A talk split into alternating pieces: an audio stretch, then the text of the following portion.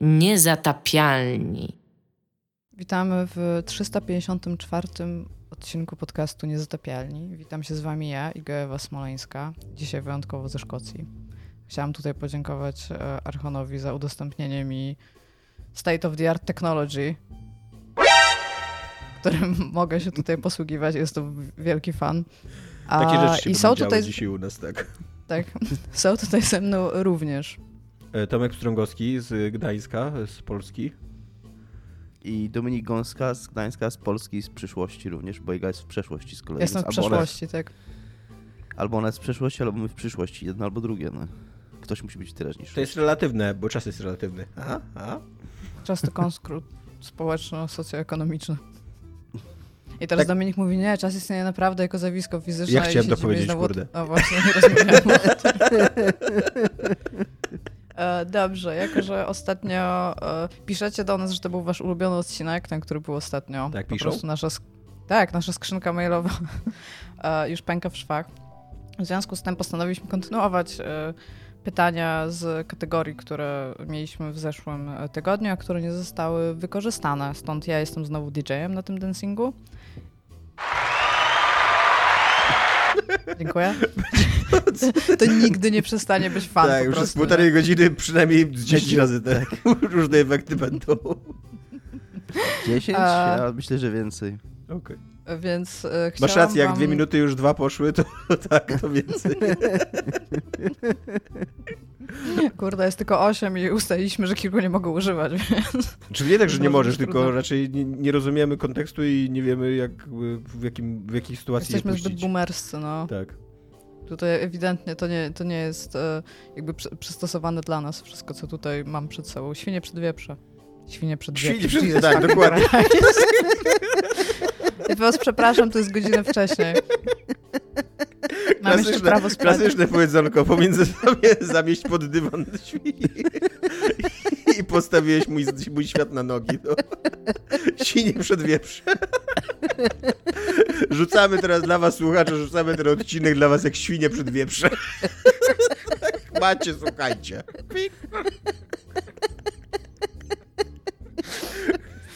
Bardzo, bardzo dobrze się zaczyna. Chciałam wam zadać takie pytanie. To jest e, takie pytanie, które ja wziąłem trochę e, z długiej znajomości z Dominikiem i słuchania na temat tego, w jaki sposób on, on jakby oddziałuje z bohaterami, e, w których się wciela w grach, ale też chyba w filmach i literaturze, o tym często mówi. E, I to jest pytanie z kategorii przyjaźń. Która przyjaźń popkulturowa wydaje Wam się cenna? I tutaj zarówno pomiędzy bohaterami w świecie przedstawionym, jak i pomiędzy Wami i bohaterem. Tomek? Ja bym chciał powiedzieć, że taką najbardziej realistyczną przyjaźnią w ogóle, jaką znam yy, grową, to jest y, moja przyjaźń do. moje uczucie do długiego pionowego paska w Tetrisie, bo nigdy go nie ma, kiedy go naprawdę potrzebuję. Bardzo go lubię, ale tak, ale, ale w chwilach próby go nie ma. E, a tak serio, to tak, to wydaje mi się, że najprostszą odpowiedzią i, i D odpowiedzią i pewnie wam zabiorę teraz wszystkie wasze odpowiedzi. E, tak. Jest Ellie i Riley z dodatku The Last of Us. Um, to nie, nie, to w ogóle nie zabrałeś Co nie do końca jest tak, przyjaźnią, bo później jakby postscriptum e, się okazuje, że to jest związek. No ale my oglądając w tym dodatku to raczej oglądamy jak tam się przyjaźń buduje, a nie miłość, co nie? Ona, ona dopiero, nie pod koniec, albo, na, albo już, nawet nie pamiętam dokładnie, czy ona w ogóle jest zasugerowane, że one będą razem, czy to już będzie tam po grze jakby, co nie, pomiędzy dodatkiem a dwójką.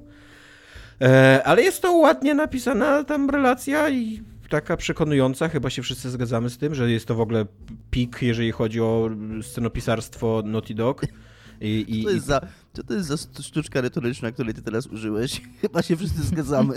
No bo y, z tego co pamiętam, to wy będąc umiarkowanymi fanami, fanami The Last of Us, to uważacie, że ten dodatek jest super i właśnie głównie ze względu na relacje, tak, między głównymi bohaterami. Mi się bardzo podoba ten aspekt, że masz książkę, w którą są puny i chodzisz i czytasz. Ja bardzo mi się podoba wiele... wykorzystanie mechaniki strzelania w e, bitwie na wodę to, to, tak. to mi się głównie tam podoba. Ja wiele razy mówiłem, że bardzo lubię to DLC, dużo bardziej od podstawki, ale nigdy nie mówiłem dlaczego i nie mówiłem na pewno, że ze względu na relację. Znaczy, zgadzam się, że ta relacja jest fajna tam, ale, ale po prostu... Jest to fajnie napisane. Mi się podoba to, co Tomek powiedział, to jest pik ich pisarstwa, bo to jest dosłownie pik ich pisarstwa. Oni nie są za dobrymi pisarzami. Nie, nie są tak. też złymi pisarzami, jakby to Nie, ale nie są też- za dobrymi, nie oznacza, że są najgorszymi na świecie. Tutaj chciałam powiedzieć. Są, na pewno są Prze- moim zdaniem są przecenianymi pisarzami. Tak, oni są tak raczej przeciętni, ale na tle bardzo wielu innych rzeczy są wywyższani. Jakby być może, ale jakby czy to jest jakaś największa rzecz tam since Ice Bread? Nie. Jakby nie. Ale tak, no jakby... Tak, zgadzam się Tomaszu, ta relacja tam jest bardzo fajnie napisana. Ale nie ukradłeś mi, nawet nie byłeś blisko. Natomiast moja relacja, moja taka prawdziwa przyjaźń, i to też jest w ogóle y, y, y, tak jak trochę z moim klockiem, le- klockiem z Tetrisa, to jest moja relacja mojego, y, mojego awatara, mojej awatarki w sumie, bo ja grałem kobietą w, w Fire Emblem Three Houses e, i moja relacja z Edelgard, która oczywiście kończy się, y, tutaj mały spoiler, zdradą, rozejściem. No, tak nawet nie wiem, czy to jest spoiler, bo to jest w ogóle tak w internecie na poziomie memów i, i na poziomie jakby takiej twórczości fan, fanowskiej. No to to jest mega ograny temat, co nie, że tam... I to też się dzieje w jakiejś tam jednej trzeciej gry, mniej więcej jednej czwartej, to jest zawiązanie takiej prawdziwej akcji, więc no... Trochę nie chcę żyć w świecie, w którym to jest spoiler, co nie? Ale tak, ale Edelgard jest super postacią, właśnie jest totalnie taką postacią, że ten związek pomiędzy nimi, ta relacja pomiędzy nimi w ogóle nie szła w kierunku romansu, tylko szła mi w kierunku takiej właśnie przyjaźni, zaufania, polegania na sobie na polu walki i tak dalej. I miałem autentycznie w momencie takiego wyboru, miałem autentycznie taki zgryz, bo z jednej strony ona mnie zdradza, jakby nam czy zdradza, no po prostu wcześniej mnie nie wprowadza w swoje plany i nagle staję przed takim wyborem, że albo muszę ją poprzeć, albo muszę jej nie poprzeć, więc czułem się trochę skrzywdzony, ale z drugiej strony bardzo chciałem jakby z nią iść. Niestety na drodze stanęło ludobójstwo, więc jakby jest to, jakby jeżeli Jak kiedyś... się dzieje bardzo często. Tak, jeżeli kiedyś sobie zadawałem pytanie, co może zniszczyć moją przyjaźń z innym człowiekiem, to ludobójstwo jest odpowiedzią. Jakby tu stawiam granicę, co nie? E, w Znaczy, relacjach, więc uważajcie. Jakby zostaliście ostrzeżeni. Czy ludobójstwo może zmienić również naturę człowieka? Wydaje mi się, że tak, tak. Tych, tak, tych tak. którzy są ubici na przykład? Czy w Playscape, jak była ta długa lista odpowiedzi, co może zmienić naturę człowieka? Czy było Nie tam pamiętam. ludobójstwo? Nie pamiętam, czy było ludobójstwo, ale totalnie powinno być. Jakby cóż może zmienić naturę człowieka, jakby tam Holokaust na przykład jest, tak? Co nie, totalnie. nie. Mamy na to mnóstwo przykładów w kulturze, sztuce i, i, i prawdziwym życiu, nie, że, e, że tak, tak się dzieje. E, więc tak, więc Edelgard i jest to, tak, jest to bardzo fajna, fa, bardzo fajna relacja, właśnie taka, mówię, mocno na zaufaniu.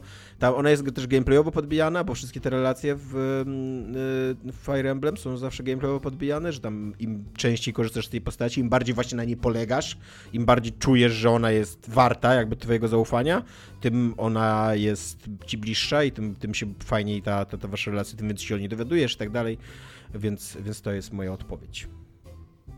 Dominik? Dominik mi się E, wydaje, że ma odpowiedź, którą ja chciałam zastosować. Zobaczmy. Dominik. Moja ulubiona relacja... Moja ulubiona relacja, jeżeli chodzi o przyjaźń pomiędzy bohaterami, to jest... Wiem, że o tej grze wiele razy mówiłem, ale powiem raz jeszcze, bo uważam, że ona robi to świetnie. Assassin. I jest to Final Fantasy XV. Dokładnie tak. Tak, my, jest przy, ogóle- przyjaźń the game po prostu. Chciałem tak, jest. chciałem wam powiedzieć, że chciałem wam e, zajebać Final Fantasy 15 tylko po to, trollować. ponieważ y, cała tak. No, mało jest tak naprawdę gier, w których y, relacja pomiędzy bohaterami jest taką autentycznie przyjaźnią, w której oni y, są ze sobą na dobre i na złe, wspierają się, jakby No, czuć ale to też jest tam chemię. white male supremacists, tam przyjaźń bardzo nadzianych ludzi, którzy są monarchami i mają w ogóle na wszystko Znaczy, nie, pieniądz i powiedziałbym, że jadą. oni są, nie powiedziałbym, że oni są białymi suprematystami. A też Nie. może trochę przesadziłam Może tutaj, dla, dla, dla efektu No, tam raczej przesadziła, no bo to nie mogła być przyjaźń, gdyby tam ludobójstwo wchodziło w grę, jakby co nie. Zgadzamy się z tym. No, ale wiesz, nie, nie wiadomo jakby, nie? Bo on będzie zaraz królem, być może będzie tam ludobójstwo takie tam. I jest tam też- Ale w tym momencie są jeszcze w dobrym czasie. Teraz mają dużo pieniędzy, jadą przed ślubem na I wycieczkę to, co jest. z i wypasionym to, co jest autem. I też to, co jest fajne w tej przyjaźni, to mm, w, y, ona się nie, ta gra nie boi się pokazywać pewnego rodzaju czułości takiej między nimi, która, której zachodnia popkultura się bardzo boi, bo, bo jak dwóch facetów jest dla siebie jakoś tam tak, no nie, trochę takich czułych, nie? Trochę tak są w stanie rozmawiać o swoich emocjach i jakby widać, że, że jest jakaś taka zażyłość między nimi, a nie tylko taka, wiecie, stereotypowa, męska... Chodźmy y, pokroić tak. drewno, kolego. Tak, dokładnie. I, i, I chodźmy pakować te siłce, nie? Tylko jakaś taka głębsza zażyłość między nimi i to jest bardzo fajne i właśnie uważam, że z tego powodu bardzo cenne. Przyjaźń doma i Feniksa, e... ale fajnie się mordowało, co? No, ale mi żonę umarło. O, uczucia, uczucia, co nie? Super przyjaźń.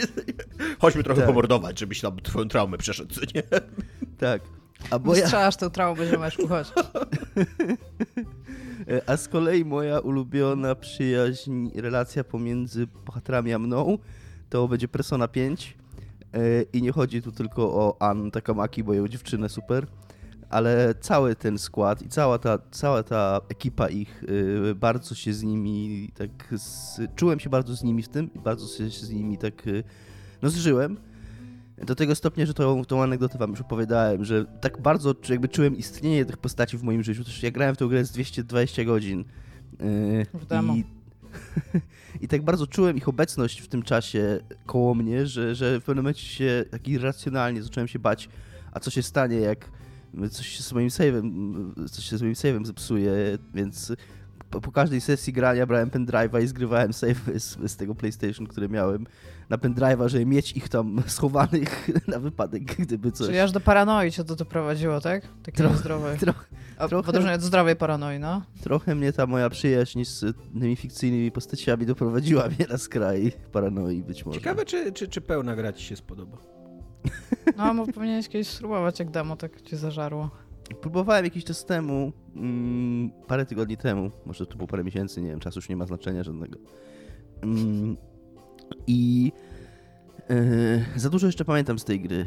I fakt, że tam są nowe rzeczy, no ale to ciągle jest ta Royal, to ciągle jest jednocześnie ta sama gra i ta sama historia. I jak próbowałem grać znowu, to biorąc pod uwagę, jak duża część tej gry to jest po prostu siedzenie i naciskanie A i czytanie, to jak już to siedzenie i naciskanie A i czytanie się robi drugi raz, kiedy się wie, co te postacie mówią, nawet może nie każde słownie się pamięta, ale, ale wie się, do czego to zmierza, to jest to ekstremalnie nudne. I jeszcze też biorąc pod uwagę, że 15 godzin pierwsze to tam jest tak, w ogóle prowadzenie i tutorial. Tak.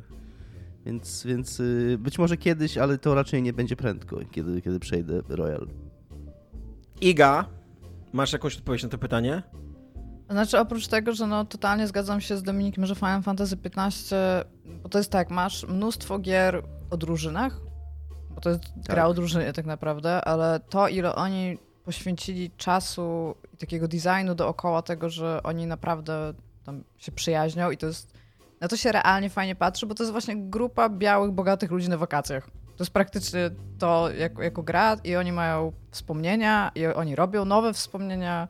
Tam są takie nawet malutkie rzeczy, że tak, w ogóle... typ ci mówi, czy, czy pobiegamy razem rano i idziesz z nim biegać rano.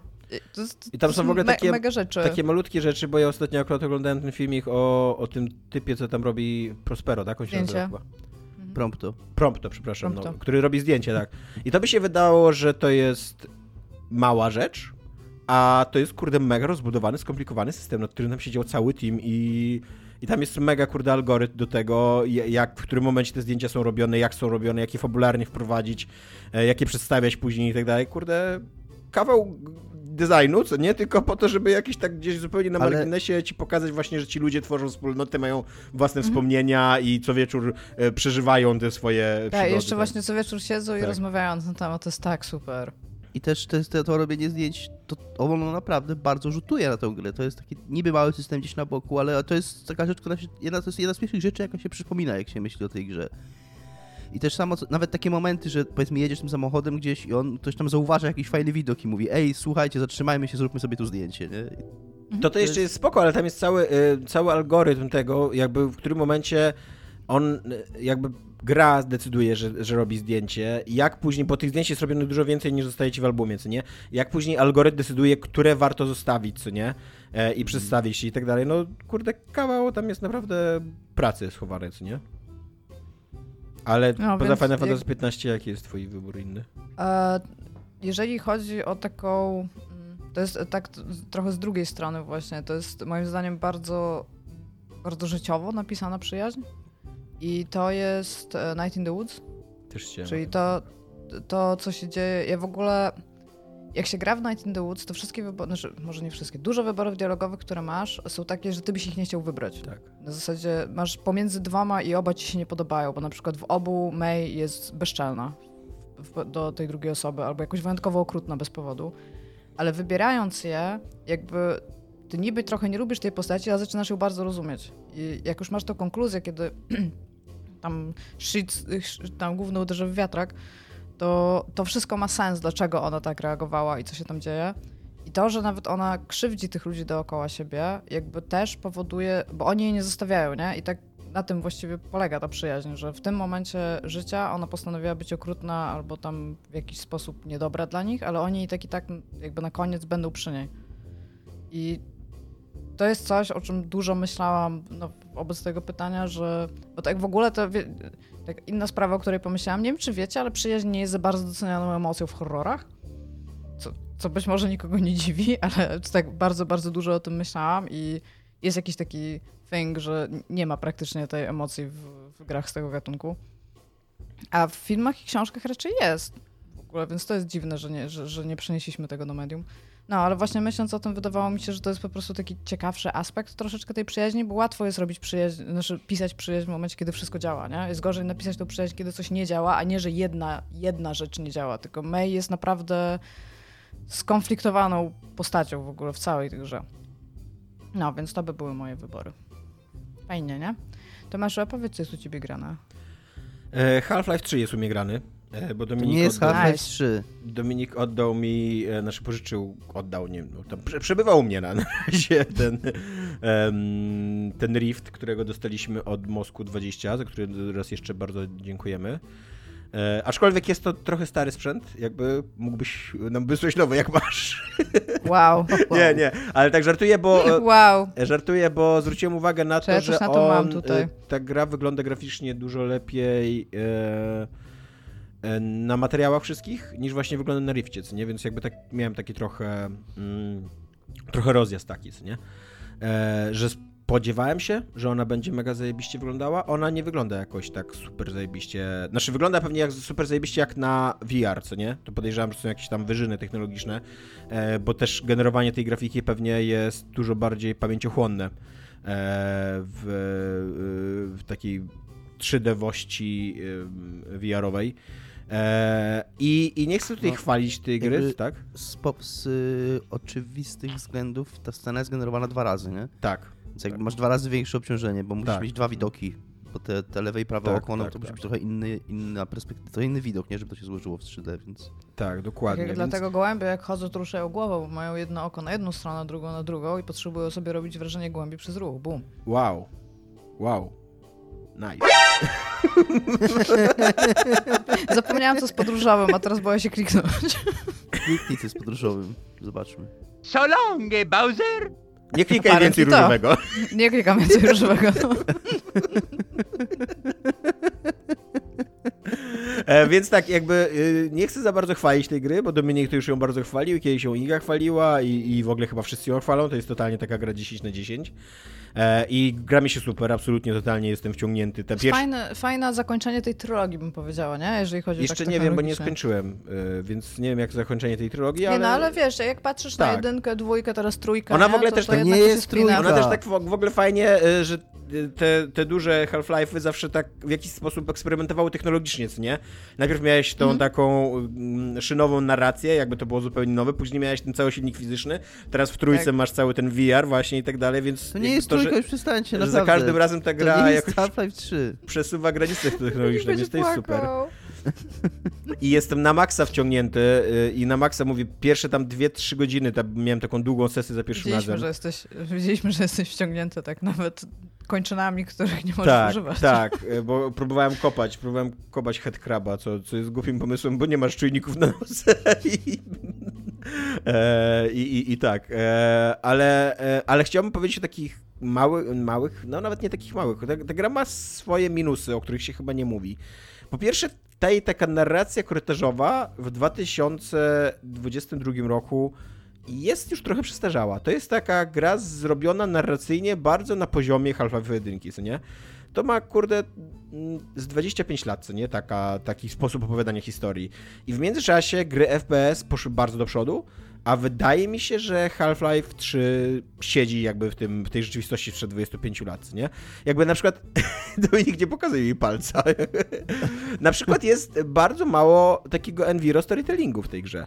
Jak na rzeczywistość po Bioshocku i, i w ogóle dzisiejszą rzeczywistość takich walking simów, to, e, to e, wszystkie lokacje w tej grze tak de facto tylko oddają ci klimat miasta, nie? Jakby ci pokazują, że to miasto jest... Ale też te lokacje są dosyć małe ze Tak. względu na fakt, jaka to jest gra, więc tam też nie ma super dużo miejsca. Jest mnóstwo miejsca, to jest nieprawda. Wsz- Wszystko, co na ścianach, wszystkie rzeczy, które podnosisz, to naprawdę nie muszą być za każdym razem te same butelki pozgniatane, tylko to mogą być jakieś e, liściki. To, że na przykład nie możesz otworzyć tak, ze- tak, tak. zeszytów i tam nie zobaczysz jakichś rysunków albo notatek czyichś, e, że, że właśnie nawet jak masz taki, jak wchodzisz do jakiegoś takiego pokoju, który jest zdewastowany przez obcych, znaczy przez ten kombinat, co nie? I widzisz tam jakieś trupy, to to się nie układa w jakąś taką historię tego pokoju, co Nawet tu się wydarzyło, pokoju, nie? okej. Tak, Mhm. że ktoś tu wpadł, kogoś zabił, gdzieś tam ten ktoś próbował sięgnąć po broń albo coś tam, co nie? Jakby nie ma tu czegoś takiego. To jest właśnie totalnie taki, mm, taki korytarz, który cię zaskakuje, który ci opowiada tylko wtedy, kiedy jest takie opowiadanie, czyli że kiedy Russell do ciebie mówi przez em, e, Radio. radio, tak, i ty z nim gadasz, to to jest taki normalny storytelling, albo kiedy autentycznie dzieje się jakaś fabuła na twoich oczach, nie, że tam wydarzenia, jacyś tam, nie wiem, no, czołg wjeżdża i tak dalej, co nie? Więc jest to takie trochę rozczarowujące, szczerze mówiąc. Mówię, mam takie wrażenie, jakbym grał w super nowoczesną grę, narracyjnie yy, tak 25 lat w przeszłości osadzoną, nie? Jakby brakuje mi tego. Zwłaszcza, że ta gra daje gigantyczne pole do, te, do czegoś takiego, nie? To, że możesz podnieść każdy przedmiot, to, że te przedmioty reagują na twoje ruchy, że autentycznie mam, ja miałem takie momenty, że tam na przykład szkło, co nie, wybiłem szybę i później szkło, co jest bez sensu, żeby się nie pokaleczył, co nie? Ale tak pistoletem, żeby, żeby wyczyścić. i- Jak i się dopiero- ro... Tak się robi, oglądam film akcji. tak, tak i dopiero robi. wtedy mogę się wychylić i zacząć strzelać, żeby sobie nie pociąć tutaj ramienia przecież, co nie? E, i, I wiesz, to, to, że możesz autentycznie podnieść każdą właśnie butelkę, każdy sztuciec, e, każdy zeszycik gdzieś tam i A tak... możesz też w sensie podrzucać, łapać. Tak, takie... tak. No to, to to daje niesamowite możliwości do storytellingu, nie? E, a tutaj nawet nie ma takich rzeczy w stylu, nie wiem, właśnie jakieś takie notatki na ścianach porysowane, co nie? Jakieś takie wiadomości, jakieś... jest trochę takiego budowania świata przedstawionego za pomocą e, tych plakatów i, i jakichś takich plakatów fikcyjnych filmów. E, I to jest nawet spoko, ale to jest też mm, miasto, które znamy z jednej gry i dwóch DLC, więc nie ma jakby nic nowego w tym City 17. Jakby to, to, to jest już lokacja, która na takim poziomie właśnie fikcyjności tego takiego wschodnioeuropejskiego miasta w kryzysie znamy, więc jakby te plakaty i, i, jakieś takie są czasem jakieś takie zawiązania, na, na, zawołania właśnie, żeby tam y, słuchaj kombinatu i tak dalej, co nie, to, to i, i, I raz, raz miałem taki moment, że podniosłem e, w pokoju Russella na samym początku, bo to jest w ogóle coś, o czym mówił kiedyś u nas e, Tadek Zieliński, że ta gra jest bardzo dopracowana, ma bardzo dopracowany ten sam początek, który ma taki super efekt wow, a później to dosyć mocno jest odpuszczane. I na samym początku w tym e, pokoju Russella jest coś takiego, że podnosisz taki magazyn w stylu Edge, growy, albo jakiś taki Wired, albo coś takiego, w każdym razie jakiś taki trochę technologiczny, trochę lifestyle'owy, nie? Taki. I tam masz tego przewodniczącego, y, tego kolaboranta, który z kombinatem, nie pamiętam jak on się nazywa, nie? Na okładce. Y, I tam, i, ta, i, właśnie, i, i ma jakiś tytuł i wtedy sobie, o kurde, wow, fajny kawałek takiego właśnie enviro storytellingu, co nie? Że... I później tego już prawie w ogóle nie ma, to już później prawie zupełnie odpuszczone. Więc tego mi trochę brakuje i ta gra jakby Wiesz, nie... my mało czasu, żeby zrobić część. No To nie jest tak, trzecia to część. prawda, tak. To nie ma trzeciej części. Przestańcie, Czekaj, zagłuszę Dominika. Już. przestańcie trollować. Przynajmniej mówcie, jak ta gra się nazywa. Ona ma swój tytuł. Trochę szacunku i, i wiecie. No, Half-Life wymyślajcie 3 sobie Aleph. własny. Nie, nie tak się nazywa. Można łatwo sprawdzić, jak się Swoją drogą, swoją drogą też muszę przyznać, że em, no brakuje, kurde, trochę gier Valve na tym, na rynku i jak założyłem te okulary i tam tylko na początku idzie ten motyw muzyczny taki valvowy i, i jest ten, Mhm. ta głowa Gabena z tym, z tym Valve'em, co nie? Czy to jest głowa Gabena właśnie? To Tak, zawsze przez całe życie jak tak myślałem, jakby nie odbierajcie mi tego, jeżeli to nie jest głowa Gabena, to Chyba mi... nigdy nie był łysy. Nie odbierajcie mi tego, błagam. Ja uważam, Okej. że to jest głowa Gaybena i, i, i ten. I to, to, to ciary poczułem, co nie? To takie okej, okay, super. Jest, tak. Jakby jest mistrz wraca tak. tutaj do, do, do gry, co nie? Będzie się działo. W ogóle E, brakuje gier Valve tak w ogóle na rynku. Jak, jakie by tam nie były fajnie, było jakby coś czasami wydawali, ale mi się to zupełnie nie opłaca. Tak. Inny problem z tą grą mam taki, że, o, że nie wiem, ona nie jest za dobrym shooterem. Ona jest shooterem jakby, bo większość tam zdecydowana interakcji to jest strzelanie do wrogów, a mm, nawet nie chodzi o to, że to strzelanie jest nieprecyzyjne, bo to jest coś, do czego pewnie się można przyzwyczaić pewnie są lepsi wymiatacze niż ja, ale ja na przykład mam straszny problem z poruszaniem się płynnym, tam w 3D, czyli że jakby normalnie joyem, jak się poruszasz to, żeby się, się twoja postać rusza, bo od razu, tak z sekundy na sekundę wchodzi mi em, choroba lokomocyjna, tak na maksa. To czemu się nie teleportuje? Więc się, więc się teleportuje. Ale to No. z kolei w scenach akcji, w których potrzebujesz takiej płynności i precyzji ruchu, jest strasznie niewygodne. Tak na maksa. Także mm, nagle się muszę rozglądać, gdzie te stopy się pojawiają. Wiesz, to nie jest tak, że się po prostu ruszasz, co nie jak człowiek, Mhm. tylko nagle się muszę tam gdzieś, gdzieś tutaj. E, mm, no, takie jest chaotyczne. No, i, rozumiem, I ci tak naprawdę większość z tych strzelanin to ja szukam. na- Najpierw ginę, ale jakby za tym, za tym pierwszym razem, jak ginę, to od razu się rozglądam za lokacją, gdzie będę się mógł ładnie ustawić, żeby mu strzelać. Mhm.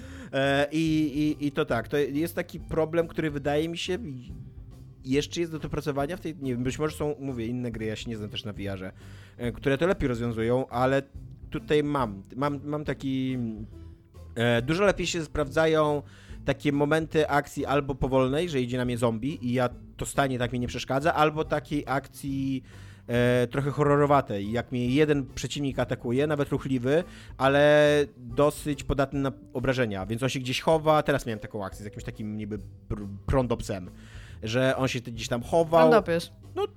tak nawet na niego mówią w tej grze, jakby, że on się gdzieś chował, tam przeskakiwał i tak dalej, więc ja jakby się starałem skradać i szukać go i, wte, i jakby nie musiałem tak bardzo szybko re reagować, nie, jakby tak, a, a z kolei jak kombinat wbiega z tymi karabinami, no to to oni mają SI, w ogóle to, to doceniam, że Valve cały czas idzie jakby w SI, a nie tylko w skrypty, to, to jest coś, czego bardzo brakuje dzisiejszemu Em, znaczy, SI to oczywiście też są skrypty, ale wiecie o co mi chodzi, nie? Ale to jest coś, czego bardzo brakuje e, dzisiejszym shooterom, że ci przeciwnicy jakoś na ciebie reagują, a nie po prostu za każdym razem wyskakują z tej samej dziury e, i musisz się nauczyć czasem na pamięć, jak w Call of Duty ich, ich sekwencji.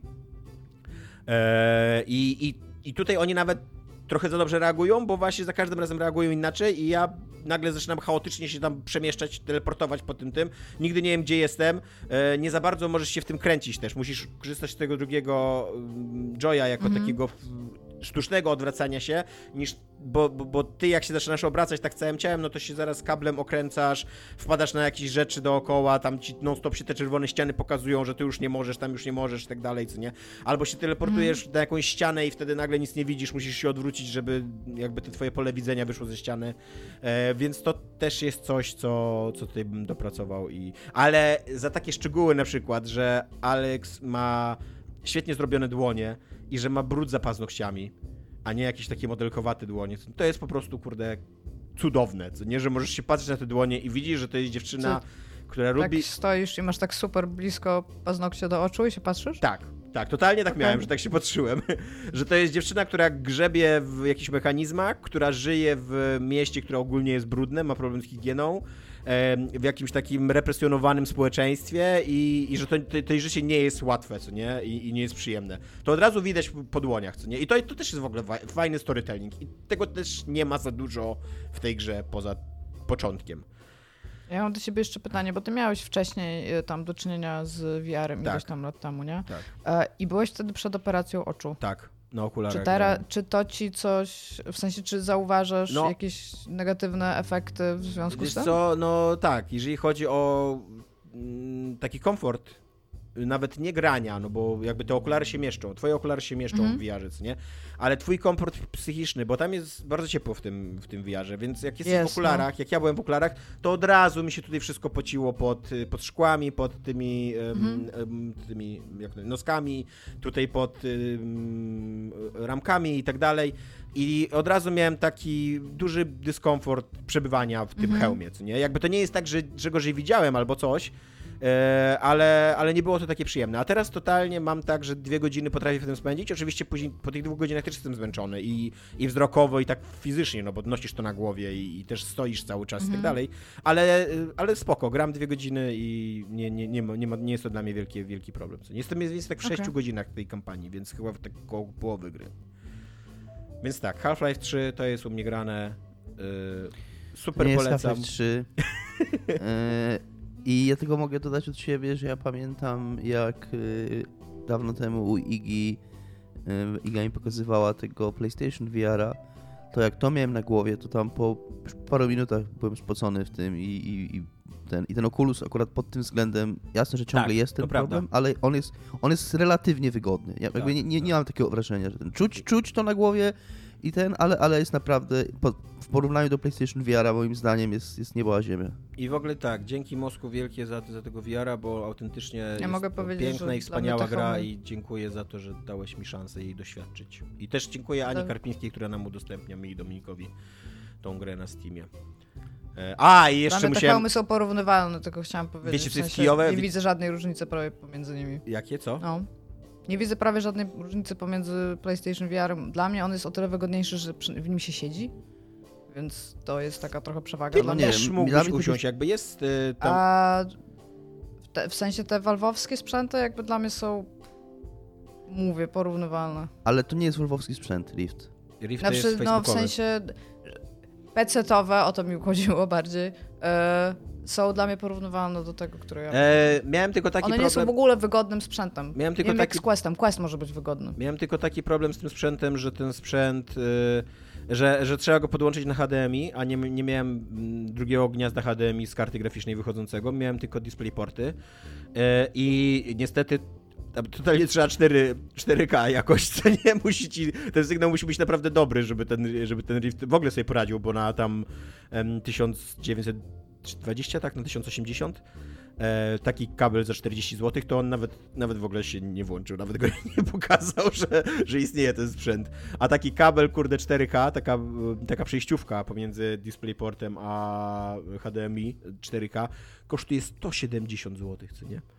To jest kurde, trochę się zgiąłem. Że nie zawsze myślałem, że te wszystkie przejściówki to są jakieś takie popierdółki, co, nie? Co, się, co się y, kupuje po prostu tak od ręki za 30-40 zł góra, a teraz 170 zł i tak aż poszedłem do pana w ogóle w Mediamarkt i się zapytałem, czy on mi może sprawdzić cenę, bo ja nie wierzę, że takie, że coś... On mówi, że tak, tak, z taką jakością to pewnie tak, co nie?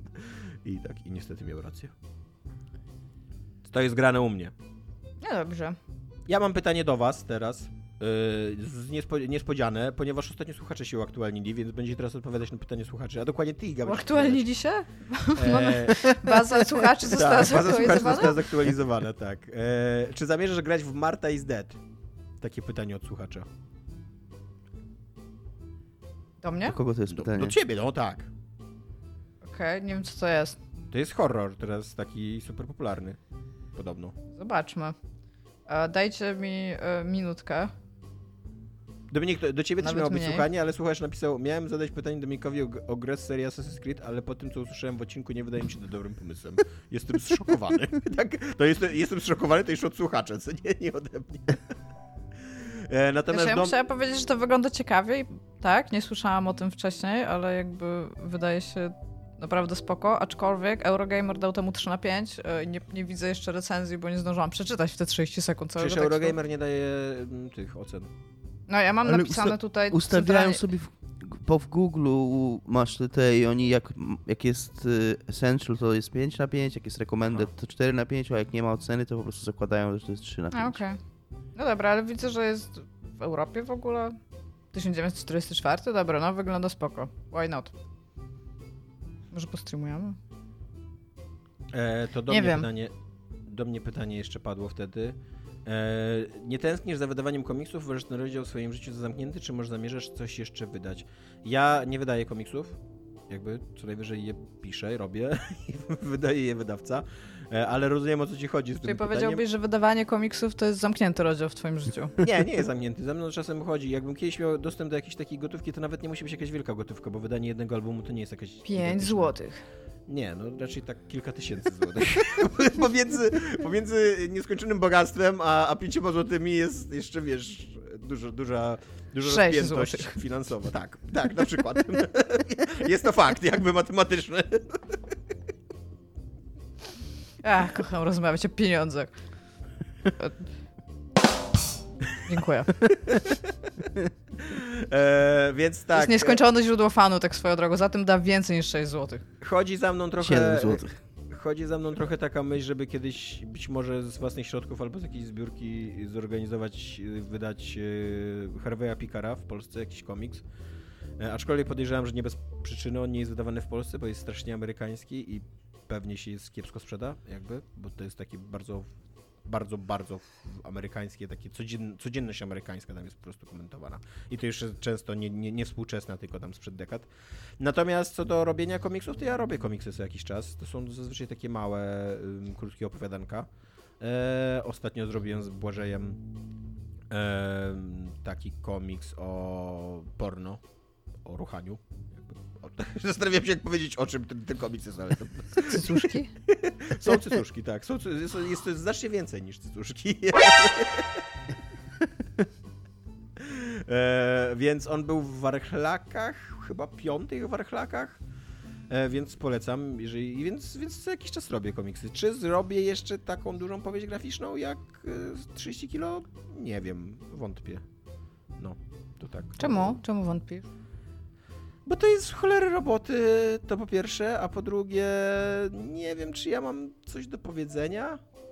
Yy, wiesz. Yy, no trochę właśnie z Błażejem Kurowskim jeszcze tak rozmawiamy o tym, żeby zrobić pełnowymiarowy album na kiedyś tam i ja właśnie cały czas myślę o tym, jakby mam jakiś taki pomysł, który Mhm. gdzieś tam mutuje, ale zawsze jak o nim myślę bardziej, to ten pomysł mi się rozwiewa i jakby mówię, no wydaje mi się, że jakby Daj sobie chwilę czasu. Tak się mówi, chwila czasu. my już od dwóch lat o tym gadamy jakby, co nie? No dobra, ale wiesz, no niektóre, niektóre rzeczy powstają na dłużej, no to nic z tym nie zrobisz. No Ja to- po prostu myślałam, że może na przykład powiesz, że wiesz, że to było tak właśnie tak dużo roboty, albo że nie wiem, że y, po wydaniu miałeś wrażenie, że mogłeś na przykład zrobić to inaczej i teraz Wydaje mi się, że do tego absolutnie, wrócić. absolutnie podstawowym warunkiem, żeby wydać, zrobić coś jakby artystycznego, grę, komiks, film, książkę, cokolwiek, jest to, żeby autor miał coś do powiedzenia, artysta. A mi się Ogólnie wydaje, tak. że mi się wydaje, że nie mam, jakby, że miałem coś do powiedzenia, powiedziałem to i że na tym etapie mojego życia, przynajmniej w tym momencie, nie mam nic ciekawego do powiedzenia. Możesz zrobić to, co robi. Dobrze, że moim kręcimy s- podcast co ty. Co mi, się, co mi się wydaje, robi bardzo wielu artystów, również bardzo popularnych, którzy ma, również mają jedną rzecz do powiedzenia i nie przeszkadza im to mówić jej 50 razy, więc jeszcze możesz kilka razy to samo rzecz powiedzieć. Ale właśnie spokojnie. ja już nie mam, ja już się nie identyfikuję z tą rzeczą, bo ten moment w moim życiu Mhm. już minął jakby. Jestem teraz w zupełnie innym momencie życia i jakby to nie, te problemy, które ja poruszałem, które mnie gryzły jak robiłem 30 kilo, już mnie nie, nie gryzą jakby już tak. Więc no.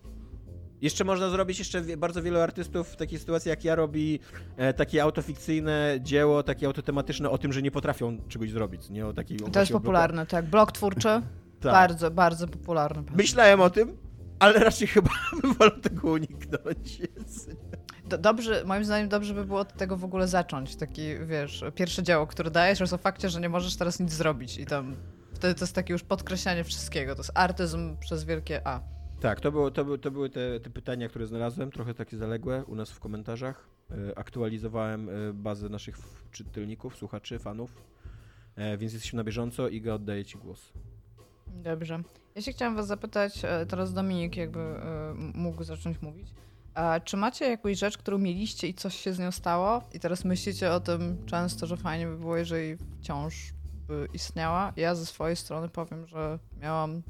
Bardzo często myślę, dlaczego sprzedaliśmy Commodore 64, żeby kupić Amiga. Jakby rozumiem kwestię ekonomiczną, ale tęsknię za moim Commodore 64. I zaskakująco często myślę o tym dniu, kiedy zniknęło z domu. Dominiku? Nie wiem, czy wiesz, Iga, czy wspominałem to w tym podcaście, ale miałem Game Boya jako dziecko. No widzę cię. Ja bym tylko chciała powiedzieć słuchaczom, że jak wiedzieliśmy, że coś przyjdzie do nas i czekaliśmy na, na, na paczkę, a nie wiedzieliśmy, co to będzie, to ja miałam w ogóle taką wizję, że Dominik dostanie Amigę. To było dla mnie takie zupełnie jasne, że Dominik Tak, dostanie Amigę i, i byłam tak zła, że on dostanie tą Amigę. W sensie cieszyłam się, że on będzie ją miał, bo wiedziałam, że powinien kiedyś tam dostać, że to byłby ładny prezent w ogóle i tam wszystko. Ale powiedziałam, że jak tylko dostanie Amigę, to ja mu w tym samym paczkomacie wyślę uderzenie pięścią w paczce, którą musi odebrać. Tak, ale w każdym Ja razie miałam Amigę, nie. Dominik? By the way. No, moim zdaniem, no, nie wiem, czy miałeś lepiej, ale Fajnie, Iga tam dobrze. klep, klep po główce, ale Dominik miał Game Boya. No ja wiem, no, to jest wygrana życiowa w ogóle być Nie, dzieciakiem w Polsce i być Game. Boya. W No każdym, come on. razie, w każdym razie miałem tego Game Boya, i, ale już go nie mam. I nie wiem, co się z nim stało. Przez długo, długo, przez wiele, wiele lat myślałem, że mój kuzyn yy, powinien go mieć, że mu go pożyczałem, ale on twierdzi, że mi go oddał. I że, go, i że nie ma go, że nie ma możliwości, żeby go miał ciągle, więc nie wiem, co się z nim stało i bardzo żałuję, że go nie Dominik, mam ja w ci- ogóle. Ja, ja ci Ja- powiem taką prawdę życiową jedną małą. A wiesz, jak do kogoś coś rzucasz, na przykład klucza albo coś, i ta osoba to złapie, to tak troszeczkę szacunku do niej zyskujesz. Tak malutko. To jest bardzo, bardzo mało, ale ten, jeżeli nie złapie, to tak malutko, malutko szacunku to tracisz jakby do tej osoby. Ale fakt, że ty miałeś Game Boya, go kurde zgubiłeś. To jest Tak. coś, czego ja nie jestem w stanie wybaczyć ci najprawdopodobniej. kiedyś- to nawet ja nie mam był kiedyś- mój Game Boy, ale jestem po prostu zła w tym momencie. Ja kiedyś mówiłem a propos przeprowadzek i a propos unpacking, że ja nie przywiązuję jakiejś takiej emocjonalnej wagi do przedmiotów i na przykład jak się przeprowadzam, jak się przeprowadzałem, to, to bardzo często dużo rzeczy tracę przy, przy przeprowadzce, bo po prostu mi się nie chce ich pakować i Mhm. albo wywalam, albo gdzieś tam zawieruszam i, i mam, to, mam to, jakby nie przyjmuję się tym. I to jest ciągle prawda, że mam takie podejście, ale są takie momenty, kiedy sobie myślę, że być może to nie jest dobre podejście, bo jest ten Game Boy jest jeszcze kilka innych przedmiotów, które miałem w swoim życiu i które żałuję, że tak nonszalancko podchodziłem do, do nich, że, że już ich nie mam. I, I ten Game Boy, no, pomijając też war- wartość sentymentalną, to taka po prostu wartość obiektywna. Fajnie było mieć ten sprzęt ciągle, bo to jest Mhm. ważny i ciekawy sprzęt. Jeżeli A to był ten taki oryginalny szary, czy miałeś To był ten jakiś- oryginalny, szary, gruby, No, taki to to na, na cztery paluszki. Klasyczny Game Boy, bo, bo ten Game Boy w ogóle był na paluszki, nie? Po prostu. Tak, ludzie w ogóle sobie te właśnie, te klasyczne, to, to najbardziej, że tak powiem, te pierwsze Game Boye, e, nawet w takie ramki wkładają, takie jakby gablotki małe No, i sobie gdzieś To kładą i jest to tak, to wygląda, był, nie? był fa- fajny artefakt, żeby go mieć, ale no niestety nie mam go. Ale rozumiem, że razem z Game Boyem też gry poszły gdzieś Tak, sobie. Tak, tak. Okej. Bo to by było też dziwne, nie? Jakbyś nie miał Game Boya, byś miał to na przykład Nie, gier karton gier, nie? I no, ty, ty... Gier też nie. Ale może, może wiesz, może ktoś gdzieś go ma i na nim gra, może to jest to pocieszenie. Może tak, a może gdzieś po prostu leży na śmietniku. Nie, nie, nie, może, nie mogę, Dominik, nie, nie rób mi tego. Tomek, Ta twoja proszę. historia właśnie jest, jest coraz lepsza, Dominik, bo ty nie dość, że miałeś tego, tego Game Boya i za, za to ci Iga nienawidzi, to jeszcze go później zgubiłeś i za to ci... Nonszalancko jeszcze w ogóle, tak bez... To moje marzenie, to mi leży na tym śmietniku, Dominik, moje lepsze dzieciństwo. Tomasz, Co? zabierz proszę głos Dominikowi. E, musisz przypomnieć mi pytanie, bo nie pamiętam... e, Czy miałeś kiedyś jakąś taką rzecz, którą gdzieś straciłeś i teraz myślisz, że fajnie by było jednak, żeby była? W ogóle Iga, przepraszam, przepraszam, wow. Yy, bo dopiero teraz o tym pomyślałem. Nigdy wcześniej nie myślałem o frazie zabierz głos, że ktoś zabiera głos w taki sposób, że jeżeli masz ktoś, ma ktoś zabrać głos, to nie, że się odezwie, tylko że, tylko, że, Że zabiera jest, komuś, e, in- że uniemożliwia ten komu- głos, tak? że uniemożliwia komuś innemu, że to nie jest tak, że ty mówisz, tylko ty uniemożliwiasz mówienie komuś innemu rzeczą, Tak. którą wykonujesz. Eee, Xbox 360 zdecydowanie. Mm, straciłem go po tam 13 latach i nawet to relacjonowałem tu w tym podcaście. E, On był chyba bardzo chory już, co? Nie, nie, on właśnie dobrze działał i go odpalałem tam raz na pół roku, jak kolega do mnie przyjeżdżał i, i graliśmy wtedy w FIFA, bo to był jedyny sprzęt, na którym miałem dwa pady i, i FIFA dobrze działała. E, I pewnego dnia po prostu tam przed Sylwestrem przyjechali znowu do mnie znajomi i mieliśmy zagrać Fifkę, a tam Red Ring of Dead. E, I od tej pory jakby nie mam Xboxa 360. Też to nie Czyż jest... to był najpóźniejszy Red Ring? Być może. Ta, tak mogło być, to już Tak. było tak wiele lat w ogóle po, po Tak. wszystkim, co się działo, że to mógł być ostatni Red Ring. Bardzo możliwe, no. Okej. B- Jakby to nie jest tak, że mi brakuje tej konsoli na co dzień. Jakby ja bym nie grał w nią i e, wszystkie gry wywaliłem jakby tak bez sentymentu, że po prostu, znaczy wywaliłem, oddałem tam i, i część, ale też część wywaliłem, bo nikt tego nie chciał wziąć po prostu, nie? Em, i, I to nie jest tak, że bym grał na co dzień jakby, albo nawet bym jakąś gablotkę i tak dalej, ale mam bardzo sentymentalne podejście do Xbox 360. To jest konsola, przez którą ja wróciłem do grania po długiej przerwie. Konsola, dzięki której ja poznałem Dominika i Michała Piwowarczyka i założyliśmy podcast i moje życie się odmieniło i do dzisiaj jestem z Dominikiem super best friend forever w ogóle i, i, jest pięknie i wspaniale, więc to wszystko dzięki tej konsoli. E, była ona w moim życiu długo i była ważnym sprzętem w moim życiu. Była głównym sprzętem do grania przez wiele lat w moim życiu, zanim poszedłem w peceta. E, więc to i jeszcze miałem bardzo długo w życiu żałowałem, że straciłem Szninkla. To jest komiks e, Grzegorza Mhm. Rosińskiego i Żana Van Hama. E, taki słynny, postmodernistyczne podejście do Władcy Pierścieni, do fantasy, science fiction, do mm, Odysei Kosmicznej 2001 i tak dalej. Mnóstwo motywów tam jest mieszanych.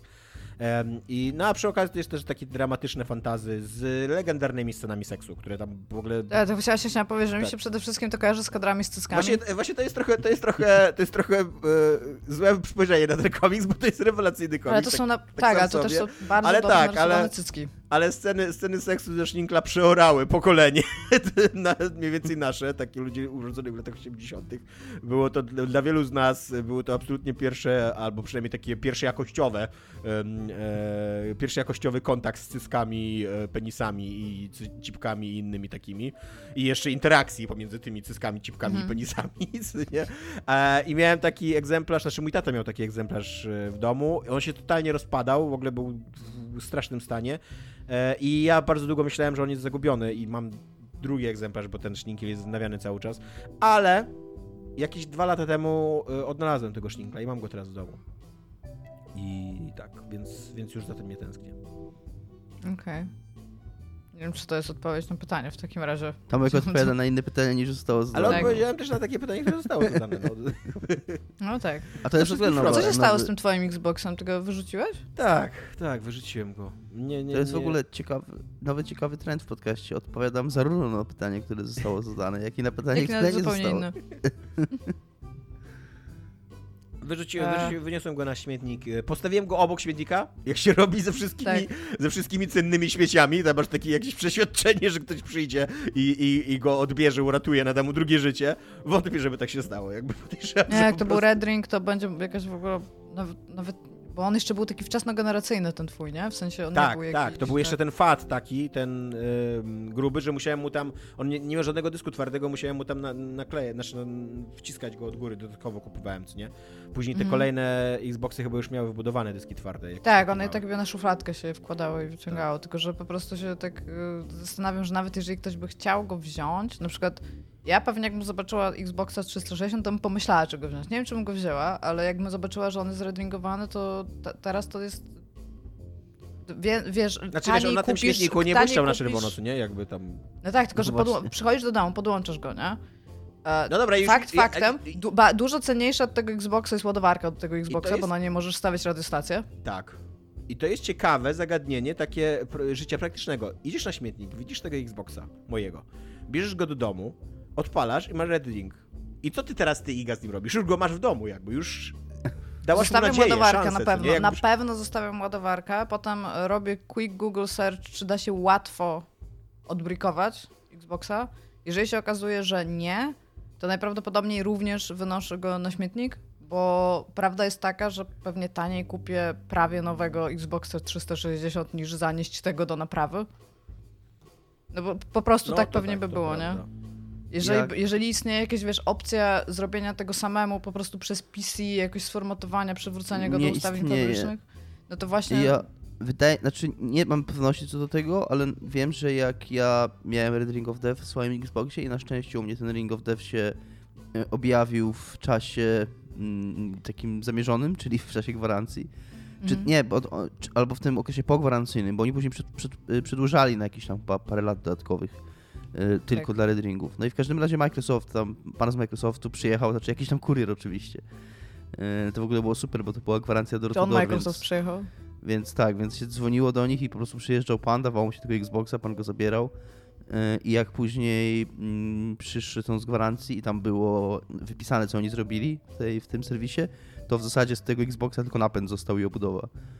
Y, Oni całe, wszystkie bebechy wy- wymienili. Ja pamiętam w ogóle, że Microsoft miał bardzo fajny ten e, jakby jak się nazywa, e, kontakt z konsumentem, jeżeli coś było nie tak, bo mnie, ja miałam problem, e, miałam dysk właśnie wadliwy i centralnie kazali mi tam wyciągnąć dysk. Przyjechał typ, zabrał ten dysk i następnego dnia już do mnie dzwoniła pani, żeby powiedzieć, że tam będą mi wysyłać z powrotem dyski, czy na ten sam adres i następny, jakby i, i tego samego dnia, jak ona zadzwoniła rano, ja już wieczorem miałam dysk. Tylko to był Tak, oczywiście zupełnie oni- inny dysk, tamten gdzieś tam pojechał, ale tak, Oni jest, mieli byłam tak... MSI Oni też mieli wtedy tak- mega dobry serwis gwarancyjny, też mnie tak obsłużyli, że to... Oni mieli super ten serwis Microsoft i szczególnie w tych właśnie Xboxowych, redringowych sprawach, ale to było trochę...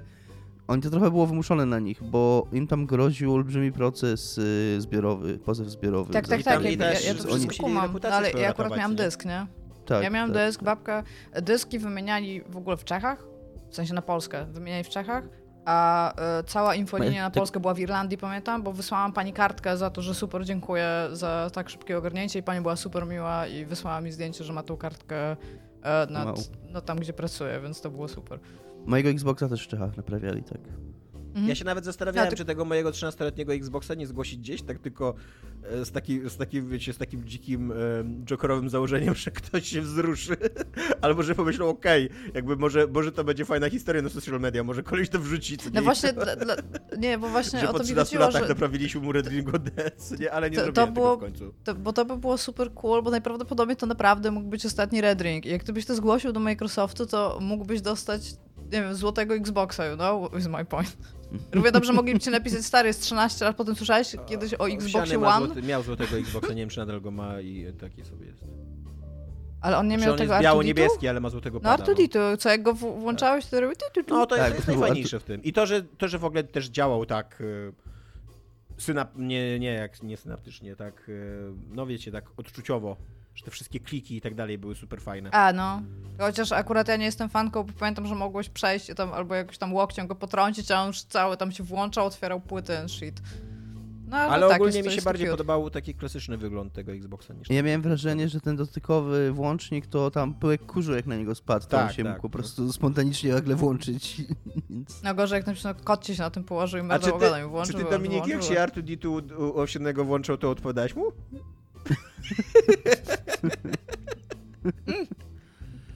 Ho, ho, ho. Nie, no to, te, ja, ja nie, nie wyśmiałem się z ciebie. Ja uważam, że to jest jedna z najbardziej uroczych jakby takich historii, jakie mamy tu i powtarzamy co jakiś czas w podcaście. Jakby uważam, że to jest super, co nie? Tak, też. Y, tak powiem uważam. tak, Miała takie, świnie- o, tam zrobione tak, mam. świnie przed wieprze, ta historia.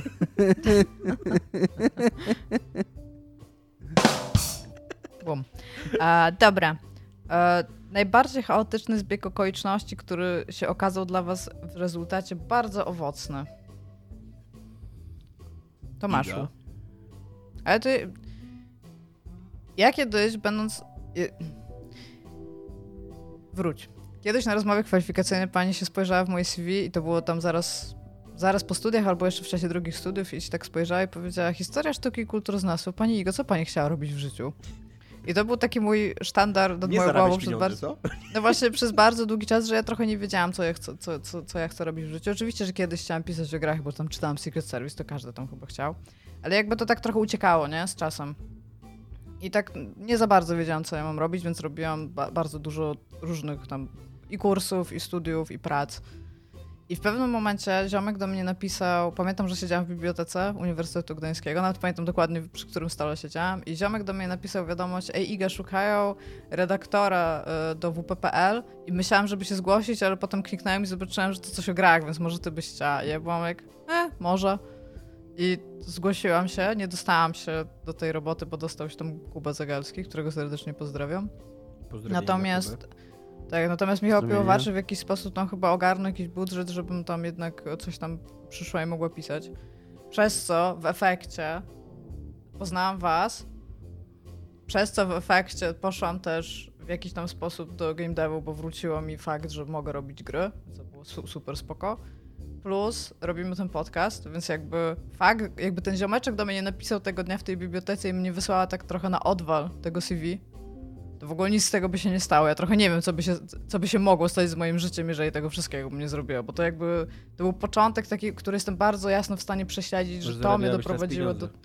Pewnie tak, pewnie bym była w IT wciąż, bym była gdzieś powyżej Lida.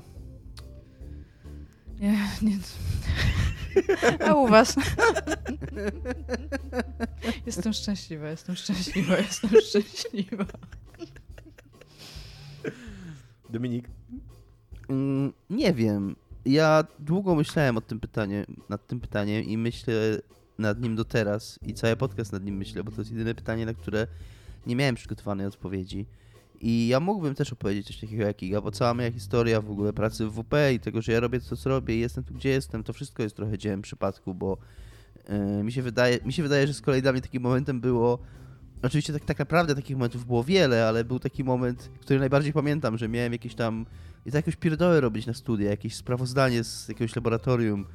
To jest, wiecie, to była taka rzecz, po prostu usiąść i to zrobić. To nie wymagało jakichś nakładów wielkich y, intelektualnych. Po prostu trzeba było przysiąść na dwie godziny, zrobić to, oddać sprawozdanie, bo ja tak naprawdę wyleciałem ze studiów nie z powodu jakichś niezaliczonych egzaminów trudnych. Ja wszystkie najtrudniejsze egzaminy na ETI, na informatyce pozdawałem. Nie tam jakoś super na jakieś truje, po prostu tak, wiecie, yy, na takim poziomie minimum, ale zdałem. Ja, ja wyleciałem ze studiów za takie pierdoły, za to, że jakiś tam z raportów z laboratoriów i jakiegoś tam y, projektu nie oddałem, który po prostu trzeba było, wiecie, przysiąść i skończyć, no. Y, I był taki moment jeden w moim życiu, że, który bardzo pamiętam, że siedziałem u siebie jeszcze jako rodziców, mieszkałem w takim pokoju na strychu i i miałem do wyboru albo grać, albo pisać sprawozdanie z laboratorium, albo grać Final Fantasy X, które wtedy grałem na PlayStation 2, które niedawno kupiłem i stwierdziłem takie, e, pieprzyć, to będę grał Final Fantasy X. I, I jakoś tak w mojej głowie to jest ten moment, kiedy, mm, kiedy rzuciłem studia, tak, kiedy, kiedy to była taka świadoma decyzja, taka bardzo jasna Czyli przede mną. Zasadniczo też jakby miałeś taką, gdyby nie ten, gdyby nie ten moment, to byś zarabiał dzisiaj pieniądze. Tak, to, informa- to prawda. Ty informatyka, tak studiowałeś? Tak, tak. Yy, i, i, I, oczywiście to nie był tak naprawdę ten moment, bo ja, mog ja, mogłem wiele razy, przez to, że to nie były żadne takie, wiesz, że egzamin, nie zdałem egzaminu i dopiero była poprawka za rok, nie? To ja miałem bardzo wiele momentów, kiedy wystarczyło jeszcze jak w WP pracowałem. Ja pamiętam to ja właśnie, ciągle... jak jeszcze w WP byłeś i poszedłeś na, tam, na uniwersytet, bo coś tak. musiałeś odebrać i oni ci uświadomili, że ty możesz wrócić i dokończyć jeszcze. I ja ciągle, i tam było, to była kwestia po prostu oddania jakichś zaległych y, rzeczy, które się robiło. Ja miałem egzaminy pozdawane, to po prostu trzeba było, mówię, to być może, bo, może to nie była kwestia paru godzin, może to była kwestia paru dni, ale to było coś jak najbardziej do zrobienia. I, i tak do zrobienia na takim poziomie minimum, to pewnie mogłem po prostu jakieś gotowce pościągać i trochę je przerabiać. I, i, oni by mi dla świętego spokoju e, to zaliczyli. Ja już miałem temat pracy dyplomowej, magisterskiej i już, już, już, już miałem je robić, już miałem jakby pisać, nie? Więc, już więc był tak, w ogródku. Tak. Ale nie wiem, czy to jest przypadek. Ja w ogóle trochę nie wierzę w przypadki, ale nie dlatego, że uważam, że mm, jest jakiś wielki plan, tylko wręcz przeciwnie, ja uważam, że wszystko jest przypadkiem tak naprawdę, że mamy bardzo mało kontroli takiej rzeczywistej nad swoim życiem i nad tym, gdzie jesteśmy. I, i z tego powodu trudno mi mówić, że to był jakiś zbieg okoliczności, bo, bo jak wszystko jest zbiegiem okoliczności, dla mnie wszystko w moim życiu jest zbiegiem okoliczności i, i to jest jakiś taki chaos, który ja się staram kontrolować, ale, ale no mówię, to jest fajna anegdota, ja lubię ją opowiadać o tym Final Fantasy X, ale nie wierzę, że to jest jakiś szczególny zbieg okoliczności. Tak naprawdę że jest, jesteśmy jest. tylko zbiorem przypadkowym cząsteczek, które mkną przez przestrzeń z jakąś Tak, ogromną tak, prędkością tak. i wpadają w interakcję z innymi przypadkowymi zbiorami cząsteczek i, Tak, i tyle. tak. Co się dzisiaj Ray of fucking Sunshine, tak wam powiem, nie? Obydwa. Ej, to jest... Tomasz? E, ja mam dwa. Jeden, jeden tak jakby, jakby no, nie, nie wiem, czy to jest właśnie, ja w ogóle nie wiem, czy to jest przypadek i zbieg okoliczności, bo to jest seria świadomych, złych decyzji w moim życiu, jakby, które następowały jedna po drugiej. To, nie, to nie jest tak, że ktoś na mnie wpadł na ulicy, co nie? Tylko ja, e, mając naście lat, zacząłem pisać opowiadania, because byłem głupi. I uważałem, że to jest w ogóle, nie wiem, emo i sexy i w ogóle dziewczyny będą leciały na pisarzy i że napiszę książkę i to będzie super wspaniałe, fantastyczne. Dziewczyny lecą na pisarzy, jakby to się nie zmieniło. Please. Iga dorośli.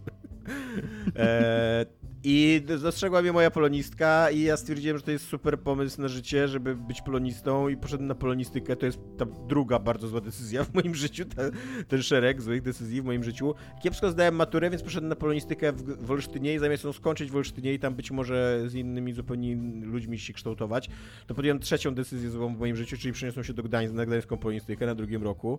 I e, później... E, O, nie wiedziałam, że zaczynałeś w Olsztynie. tak, to jest pierwszy rok robiłem w Olsztynie. Później na czwartym, na, na trzecim roku musieliśmy wybrać specjalizację. Ja zupełnie nie wiedziałem, jaką specjalizację. Miałem jakąś taką głupią ideę o sobie, że będę nauczycielem i myślałem, że to jest fajne. Jakby to mi bardzo szybko podczas e, praktyk jeszcze nauczycielskich mi wypadło z Bardzo głowy, że, trudny że zawód nauczycielstwo to jest jest. fajne. I tak żeby do, bo ja nie za bardzo miałem zajęcia na trzecim roku polistyki. To był jakiś taki dziwny rok, że tam mm, był mega pusty ten, ten, ten program. Mm, I ja, żeby tak dopchać ten program, żeby po prostu mieć co robić, to wziąłem filmoznawstwo. E, I na tym filmoznawstwie wpadłem na profesora Kornackiego i profesora Szułaka. I profesor Kornacki to jest w ogóle e, wspaniały kwiat lotosu, cudowny, cudowny człowiek i e, przecudowna krynica wiedzy na temat filmu i zajęcia z nim. O, to jest taki prawdziwy nauczyciel, prawdziwy taki e, Edukator człowiek, jest który to. edukuje, tak, dokładnie, który ma pasję, przekazuje tą pasję, ma wiedzę, e, umie ją, umie ją zagnieździć w kimś, umie kogoś zmusić do myślenia i tak dalej. I ja zostałem na tym filmoznawstwie przy, przez tych dwóch A profesorów. profesor Szyłak jest takim człowiekiem, który lubi siadać jak policjant. Tak, znaczy, no, profesor Szyłak e, prowadzi zajęcia inaczej niż, niż doktor, e, niż do- doktor, teraz już też profesor Kornacki, za moich czasów to był doktor Kornacki. Więc jakby, e, szczerze mówiąc, jakby to bardziej do tego e, filmoznawstwa przekonał mnie profesor Szyłak, e, profesor Kornacki, a profesor Szyłak mnie przekonał do tego, że, i to kolejna bardzo zła decyzja w moim życiu, że w komiksie ja się mogę odnaleźć, że jakby, że tu jest jakaś przyszłość w A to jest komiksie. fascynujące, bo popatrz, jak, ja poszłam do profesora Szyłaka rozmawiać o komiksie, bo zna, znając go głównie z literatury związanej z komiksem, to on powiedział, że on nie będzie nigdy w życiu na Uniwersytecie Gdańskim nic robił z komiksem i tutaj będzie tylko o filmach mówił, nie? No nie, nie, nie. Bardzo skłamał. No, złamał mi serce, tak naprawdę. Potem siedziałam dwa lata praktycznie na zawoalowanym filmoznawstwie, które było pod kulturą audiowizualną, gdzie nie było nic poza filmami. I troszeczkę teatru, nie? Oni w ogóle Uniwersytet Gdański powinien za to zapłacić jakieś pieniądze biednym studentom, których oszukał. No i z tego powodu trafiłem do WP, że, że jakby byłem Po popkulturowym jakimś ekspertem, więc co nie? literaturę robił. Więc to jest kolejna bardzo zła decyzja w moim życiu, że trafiłem do WP. Później kolejna bardzo zła, że poznałem Dominika i, i Michała. I tak to się potoczyło. Później kolejna bardzo zła, że jeszcze Iga tam się pojawiła. Ja podszedłem do niej do tego biurka i powiedziałem, że jestem Tomek Strągowski, a Iga nie wiedziała, co powiedzieć w ogóle. Była Tak było. totalnie tak. like, o kurde, jakiś stalker do jej podszedł, będzie mnie teraz prześladował. W ogóle co za typ.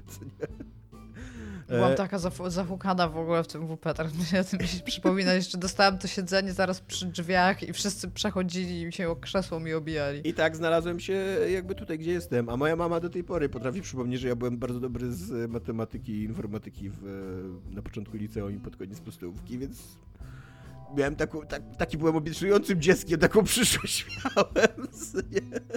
I tak tu spieprzyłem wszystko. A teraz jakieś komiksy wydajesz, gry robisz w ogóle. Tak. Ale no mówię, nie, nie wydaje mi się, że to był zbieg okoliczności. Takie, nie, nawet e, mm, nawet wy, wyjmując ten taki e, to podejście Dominika, który, z którym ja się zgadzam, że jakby tak nie do końca w Mhm. ogóle mamy władzę nad własnym życiem, tylko rzeczy się dzieją po prostu i i ty na nie reagujesz, jakby na tym polega życie, co nie? Nie na tym, że ty kierujesz czymś albo, al, albo masz jakiś wielki wpływ, tylko też, y, no zbieg okoliczności mi się bardziej kojarzy z tym, że ktoś na ciebie wpadnie na przejście na pierwszy, że coś jest autentycznie tak poza twoją kontrolą, a wszystko, co my tutaj mówimy, to są jednak em, jakieś decyzje, które my świadomie podjęliśmy na, na pewnym, w pewnym momencie życia, co nie? Może nie zdawaliśmy sobie sprawy z konsekwencji tych decyzji, e, z kaskadowości tych konsekwencji też, co nie? Że to się tam Mhm. Za 20 lat będziemy w takim, a nie innym miejscu, jakby, jakby takie drzewko, y, jak gry robiąc, nie? Że będziemy na zupełnie innym końcu tego Czy drzewa, jeszcze- niż nam się wydawało. My wszyscy jesteśmy w grze Davida Carze. tak, tak. I wszyscy jesteśmy na tym chujowym, ko- przepraszam, końcu. Będziemy mieć bad ending wszyscy. Świnie przed wieprzem. Mieliśmy po prostu, mieliśmy takie perspektywy wspaniałe i nic, nie? E, no. A taki prawdziwy y, chyba, z- nie, no to, to już tyle. Wystarczy już tej odpowiedzi mojej, bo Okej. już i tak długo gadałem. Dominika, co jest u ciebie grane? E, niestety u mnie jest ciągle grany Elden Ring. Znaczy nie wiem czy niestety, ja się super bawię z tą Ej, grą. go- Kto ma w ogóle gorzej od ciebie, mi powiedz. Dominik się tak Y- dobrze bawi, że ostatnio zrobił takie podejście nawet, żeby mi sprzedać Elden Ringa, że tak, że Tomek, to jest gra, która może ci się spodobać. Rzeczywiście, jakby ma to sens, co Dominik pisał, ale nie wiem. Jakby im, y, bo im dłużej wygra się w Elden Ringa, tym mniej ja chcę z niego zagrać, pomimo, że chciałbym w niego zagrać. Ale jak Dominik gra 120 godzin, a ty grasz 80 godzin, to jest masakra. Jeszcze nie przeszłam, tylko wyjechałam. Nie mam go tu ze sobą. Tak, ale, ale no jako, że o Elden Ringu już mówiłem, to powiem o grze, w, której w którą zacząłem grać wcześniej i którą mi Iga przerwała Norko. Jest to Chinatown Detective Agency. Mówiliśmy o tej grze przy okazji tego takiego pokazu Microsoftu, gdzie tam opowiadali o iluś tam grach niezależnych zapowie- zapowiedzianych na ich konsolę. I to była jedna z nich. Ja w nią gram na PC, nie Chwaliła się próbowałem. głównie tym, że miała, będzie full, full voice acting. Czy Tak, to prawda? tak. Czy Nie- do, nie ma do, tego- dowieźli? Nie ma ta gra full voice actingu. Y, Ma. Ważne dialogi są, są z aktorami, a część dialogów jest, y, jest po prostu tekstowo tylko. Jest to gra przygodowa, która ma dosyć, y, dosyć ciekawy koncept tego, czym jest w niej, zagadka. Bo faktycznie jest tak, jak przypuszczałem, kiedy mówiłem o tej grze, bo oni mówili, że to ona będzie miała takie elementy właśnie prowadzenia dochodzeń w prawdziwym świecie. I tam myśleliśmy, że czy trzeba będzie je, i tam lecieć do Singapuru, żeby coś znaleźć tam jakąś, yy, jakąś nie wiem, jakieś graffiti na, na murze gdzieś tam za uchu, no to nie, nie trzeba tego robić. I tak polega to po prostu, polega to po prostu na googlowaniu. Mm, natomiast dosyć kreatywne są te zagadki. Yy, na przykład jednym z, jedna z pierwszych rzeczy, jaką się robi w tej grze, mm, to jest dostajesz znaczek pocztowy yy, część, z częściowo widoczną pieczątką i musisz yy, i dostajesz zadanie, bo w tej grze jest taki cały system yy, latania samolotem po świecie, czyli że tam masz jakieś pieniądze, którymi dysponujesz i musisz tam loty bukować i latać w różnych, w różnych miejscach. I dostajesz ten znaczek i musisz mm, od, odwieźć go do miejsca jego pochodzenia, czyli do kraju Jak zwykle się robi ze znaczkami, no. że jakby tak, tak, że, że masz, że to jest jakiś bardzo cenny znaczek i to jest jakoś tam fabularnie sprzedane tak, że masz do jakiegoś tam muzeum, które jest w tym, A, okej. w tym mieście go oddać jako, jako eksponat, nie? Taki... A nie możesz go wysłać pocztą? Ale to jest bardzo cenny znaczek. No nieważne, to jakby to, to, jest, to jest nieistotne. E, e, i, I bonusowe punkty, i, i bonusowe, bonusowe w cudzysłowie punkty dostaniesz, jeżeli e, odkryjesz dodatkowo z jakiego miejsca ten znaczek został wysłany. I to już musisz wpisać z palca w, po prostu. Ten. I, I to było dla mnie trochę googlania i nie spodziewałem się, że tyle w swoim życiu będę googlał o filatelistyce, e, ile, ile googlałem robiąc te zagadki i to było naprawdę fajne. E, Tam to ostatecznie był jakiś w ogóle znaczek wysłany z Imperium Ottomańskiego, e, które i wtedy to było chyba to było kurde nie pamiętam już, no ale to była jakaś, wiecie, to, to nie była Turcja, tylko to było jakieś inne miejsce świata, które wtedy należało do Imperium Ottomańskiego, więc na tym znaczku była, e, była jakaś budowla z Turcji, więc dość łatwo było wykminić, że ten znaczek pochodzi z Turcji. Natomiast wysłany był z, z jakiegoś innego państwa. rozumiem, Z tak? jakiegoś, kol- jakiegoś innego państwa, które Tak. było tam w 1900 jeszcze tam szóstym roku częścią Imperium Ottomańskiego, czy coś takiego, nie? E, I, I jakby to było ciekawe. Googlanie o tym i czytanie o tym to nie było takie proste. To nie... Spodziewam się niestety, że już teraz po prostu googlanie w, ty, w tych tematach będzie wyrzucało ci na pierwszej stronie e, stronę z Imperium, odpowiedziami do zagadek. W, Osmańskiego chyba chciałeś powiedzieć. Osmańskiego, tak, przepraszam. Przepraszam, tak. I, i, I że googlanie za tym będzie ci wyrzucało po prostu strony z odpowiedziami na zagadki w Chinatown Detective Agency. Yy, więc, więc to trochę zepsuje. Albo jeżeli ktoś sobie zechce zepsuć zabawę, to myślę, że teraz googlanie z takimi znaczkami ten. Ale ja musiałem autentycznie do, dość dużo poskrolować w Wikipedii, żeby się doszukać, więc to jest fajnie zaprojektowane. Yy, I nie grałem dużo więcej w tę, w tę grę. Tam parę innych takich zagadek zrobiłem. Nie były one aż tak złożone jak te z tymi znaczkami, ale mówię, no to było dla mnie fajne. Natomiast niestety e, cała reszta w tej grze, czyli ta strona fabularna, postacie, jest strasznie miałkie. To jest taki, to jest taki kazus e, tego, game decka, czyli to są takie kurna postacie i dialogi i intryga uszyta z takich kurde mm, z takich archetypów tylko i, i nie ma tam nic, żadnej, żadnej jakiejś takiej iskry, yy, jakiejś takiej, jakiegoś takiego życia własnego ta gra.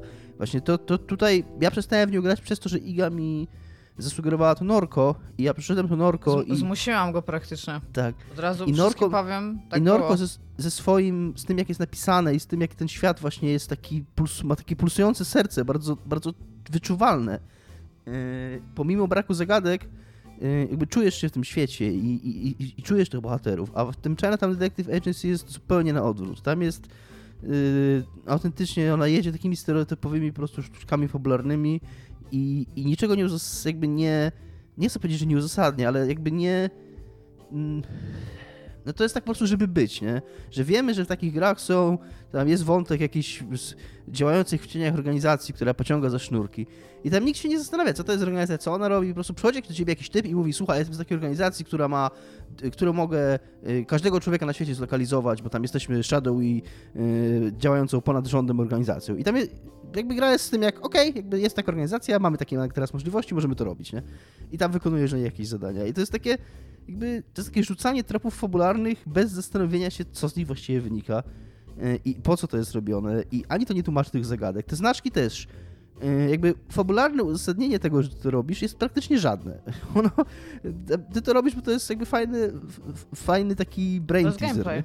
To to jest, ta, tak, ale So the, ale the game can happen. Do tego. ale fa, fa, fabularne wytłumaczenie tego, czemu ty to robisz, jest tak miałkie i tak nieprzekonujące, że no po pewnym czasie doszedłem do wniosku, że że kurwa nie chce mi się w to grać, właśnie szczególnie po tym Norko. I właśnie i po Norko jakby uświadomiłem sobie, że mając dwie przygodówki, z której jedna ma oczywiście najlepiej i, i takich przygodówek najbardziej szukam, które mają super zagadki i super fabułę yy, i postacie bohaterów, ale mając jakby alternatywę w postaci gry, która ma kiepskie zagadki albo nie ma zagadek, tak jak Norko, ale ma super świat bohaterów i fabułę, a, a, a- z drugiej strony mając grę, która ma super zagadki, ale, ale kiepską tą resztę, no to jednak zdecydowanie ja wybieram to pierwsze.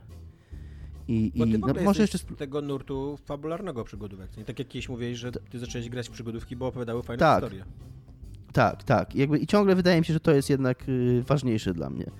Y, oczywiście, no, idealną sytuacją jest, kiedy obie te rzeczy są, y, są na miejscu i, i, i- i stąd też bardzo się cieszę na to nowe Monkey Island, bo, bo wydaje mi się, że Gilbert, y, bo też taką grą było dla mnie Thimbleweed Park, czyli poprzednia jego gra, y, taka duża, y, że, że to była taka gra, która była, potrafiła mieć i fajne zgadki, i fajnych bohaterów, i, i po prostu wciągającą historyjkę.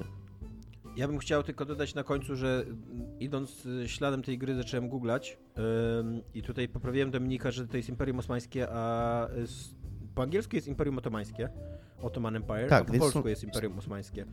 Stąd ja powiedziałem właśnie, Tak. bo taki, że Ottoman Empire jest, bo, ale I- chyba faktycznie po polsku to się tłumaczy na osmańskie. I sprawdzałem skąd to się wzięło i to się wzięło od założyciela dynastii, który tam w XIV wieku zbudował y, Imperium Osmańskie lub Otomańskie i on się nazywał Osman I, a po arabsku to się czyta jako Utman. Więc podejrzewam, że po prostu osmańskie i otomańskie zależy jaką, który język, którą pisownię tego imienia wybierał, co nie? Więc te, te, te, tego się mogliście nauczyć z niezatapialnych. Dźwięk jakiś i gadaj tutaj, że na, na nauczkę. Nauczkę. Pindo. Nie pamiętam, co jest pod nimi, nie ustawiałam. tak Wiem, że to jest to. Wiem, że różowego nie mogę. Dobrze. A to skoro jesteśmy... Chciałam powiedzieć tylko, że w przerwie zaginął ten e, komiks, o którym mówił Tomasz, że bardzo się cieszy, że nie zaginął. Nie no, gdzieś jest, po prostu chciałem go, Więc go po, nie ma. chciałem go pokazać y, tutaj wam, żebyście... No bo on jest rozpadający się, jest, jest w fatalnym stanie, jakby był wielokrotnie czytany.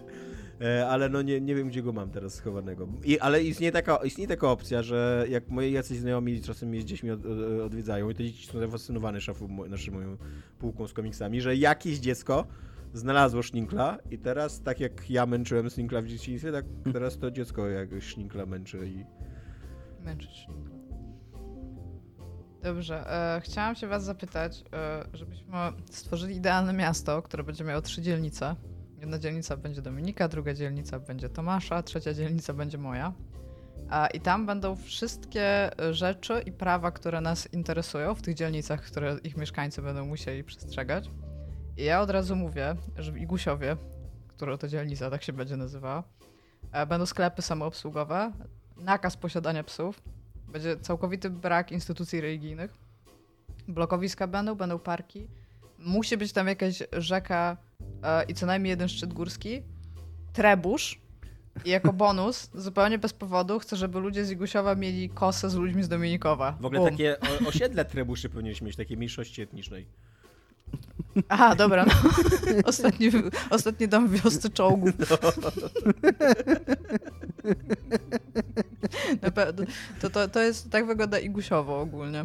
Chciałam się was zapytać, jak wyglądają wasze dzielnice. To jako, że w Domkowie Domkowo ma mieć bifa z Igusiowym, kosę i mamy się nie lubić, to u mnie przede wszystkim będzie absolutny zakaz posiadania psów. Yy, yy, Ale reszta nie będzie, nie będzie przeciwieństwem. Ja nie wiem, czy mam aż tyle pomysłów co Iga. Iga akurat szczyt górski aż umieściła.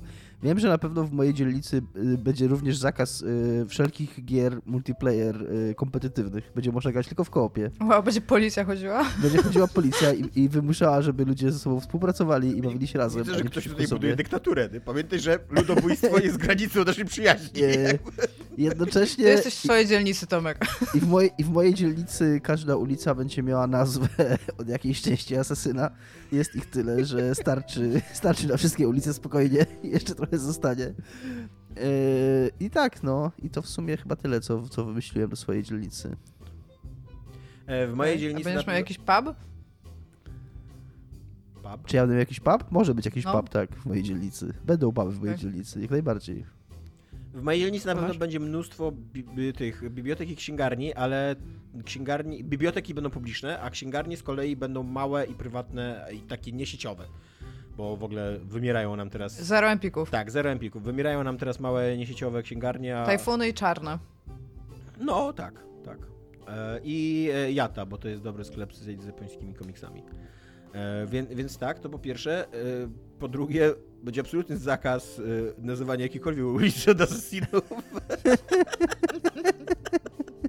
Imion nie będzie można korzystać mamy- tak dalej. Jak, Dzie- nie, nie nazwiesz dziecka Ezio, jakby nie, w, w mojej dzielnicy.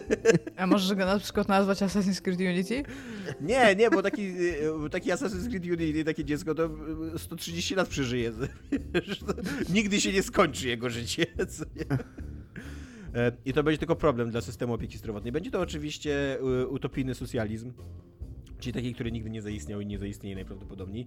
E, e, mam nadzieję, że będzie to taki. Ostatnio czytałem fajny artykuł bardzo o e, książce Ursuli Le Guin, ale zapomniałem teraz jej tytułu. W, w, w, w, no nieważne, zaraz, zaraz go, go wygooglam. Ale tam y, ogólnie było takie społeczeństwo zbudowane na zasadach y, na zasadach y, takiej wspólnej pracy, wspólnego, wspólnych ko- kooperatyw, jakby e, starania się o, o, o to społeczeństwo i, i tam mm, dochodziło do pewnych takich życiowych, e, materialnych niedoborów i to mi się wydaje fajn, fajną koncepcją, żebyśmy być może nie mieli tego całego gówna, które potrzebujemy. To jest chyba trochę problem zachodniego świata, że mamy za dużo gówna.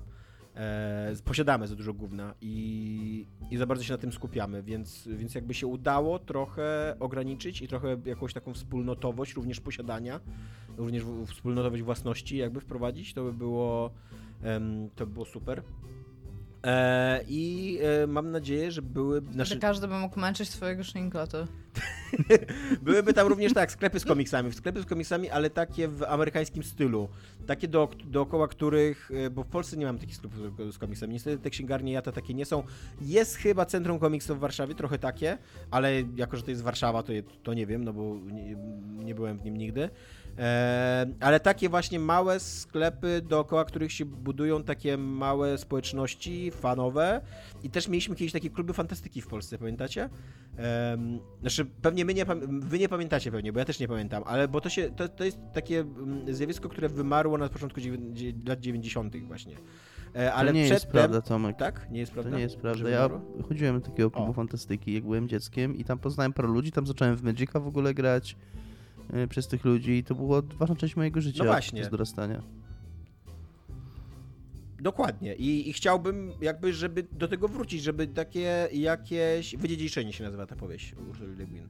Ale żeby jakaś taka, jakby przywrócić nerdostwu taką moc y, społeczno-twórczą, ale nie, nie taką moc y, e, społeczno-twórczą na poziomie mm, konsumpcji, tak jak mamy dzisiaj, że po Mhm. prostu jest to, jest to takie wspólne konsumowanie i, i wspólne kupywanie i tak naprawdę wydawanie pieniędzy i tak dalej, a, a brakuje mi takich małych właśnie społeczności twórczych, właśnie zbierania się na jakieś RPG, to być może jest. Ja z tym nie mam kontaktu i żałuję bardzo tego. Zbieranie się na RPG, wymienianie się książką tą samą, bo jest tylko jedna książka jest fantazy. taki... Wydaje mi się, że cały czas taką rolę, bo taką rolę przejęły później sklepy z karciankami i bitewniakami. E, I cały czas są takie sklepy i cały czas jest ten sidequest na przykład na Jest na. Wrzeszczu niedaleko ciebie taki sklep w Tak, ogóle. I, SideQuest. I ta, ta, tak, to, on- no to tak, no to i właśnie Tak, zawsze tak, jak no tam tam- przychodzę, Ale w Rebelu też tak on ma w ogóle stoły, otwarcia jakoś od możesz sobie 14 do usiąść. 20, więc takie, takie Tak, a wieczorne. tam wieczorami siedzą ludzie i tak. grają. I to jest właśnie dla mnie taki wow, ja bym to chciał w moim, w, moim Tomkowie? We, Wroc- we Wrocławiu możesz w ogóle, jest takie, jest takie miejsce, gdzie możesz sobie wynająć stół. Na zasadzie tak jakbyś przyszedł do pubu, można sobie kupić piwo i coś tam i przez to, że wynajmujesz ten stół na tam jakiś czas, to masz dostęp do planszówek, które tam są, karcianek jakby i możesz sobie po prostu usiąść ze znajomymi. Tak, ale to jest wciąż tak, że bo w, w Gdańsku też jest taka i to jest właśnie dobra, dobra, dobra knajpa w ogóle, graciarnia. E, ale to wciąż jest tak, że mm, ty przychodzisz ze swoją ekipą i po prostu wypożyczacie grę tak naprawdę i tyle.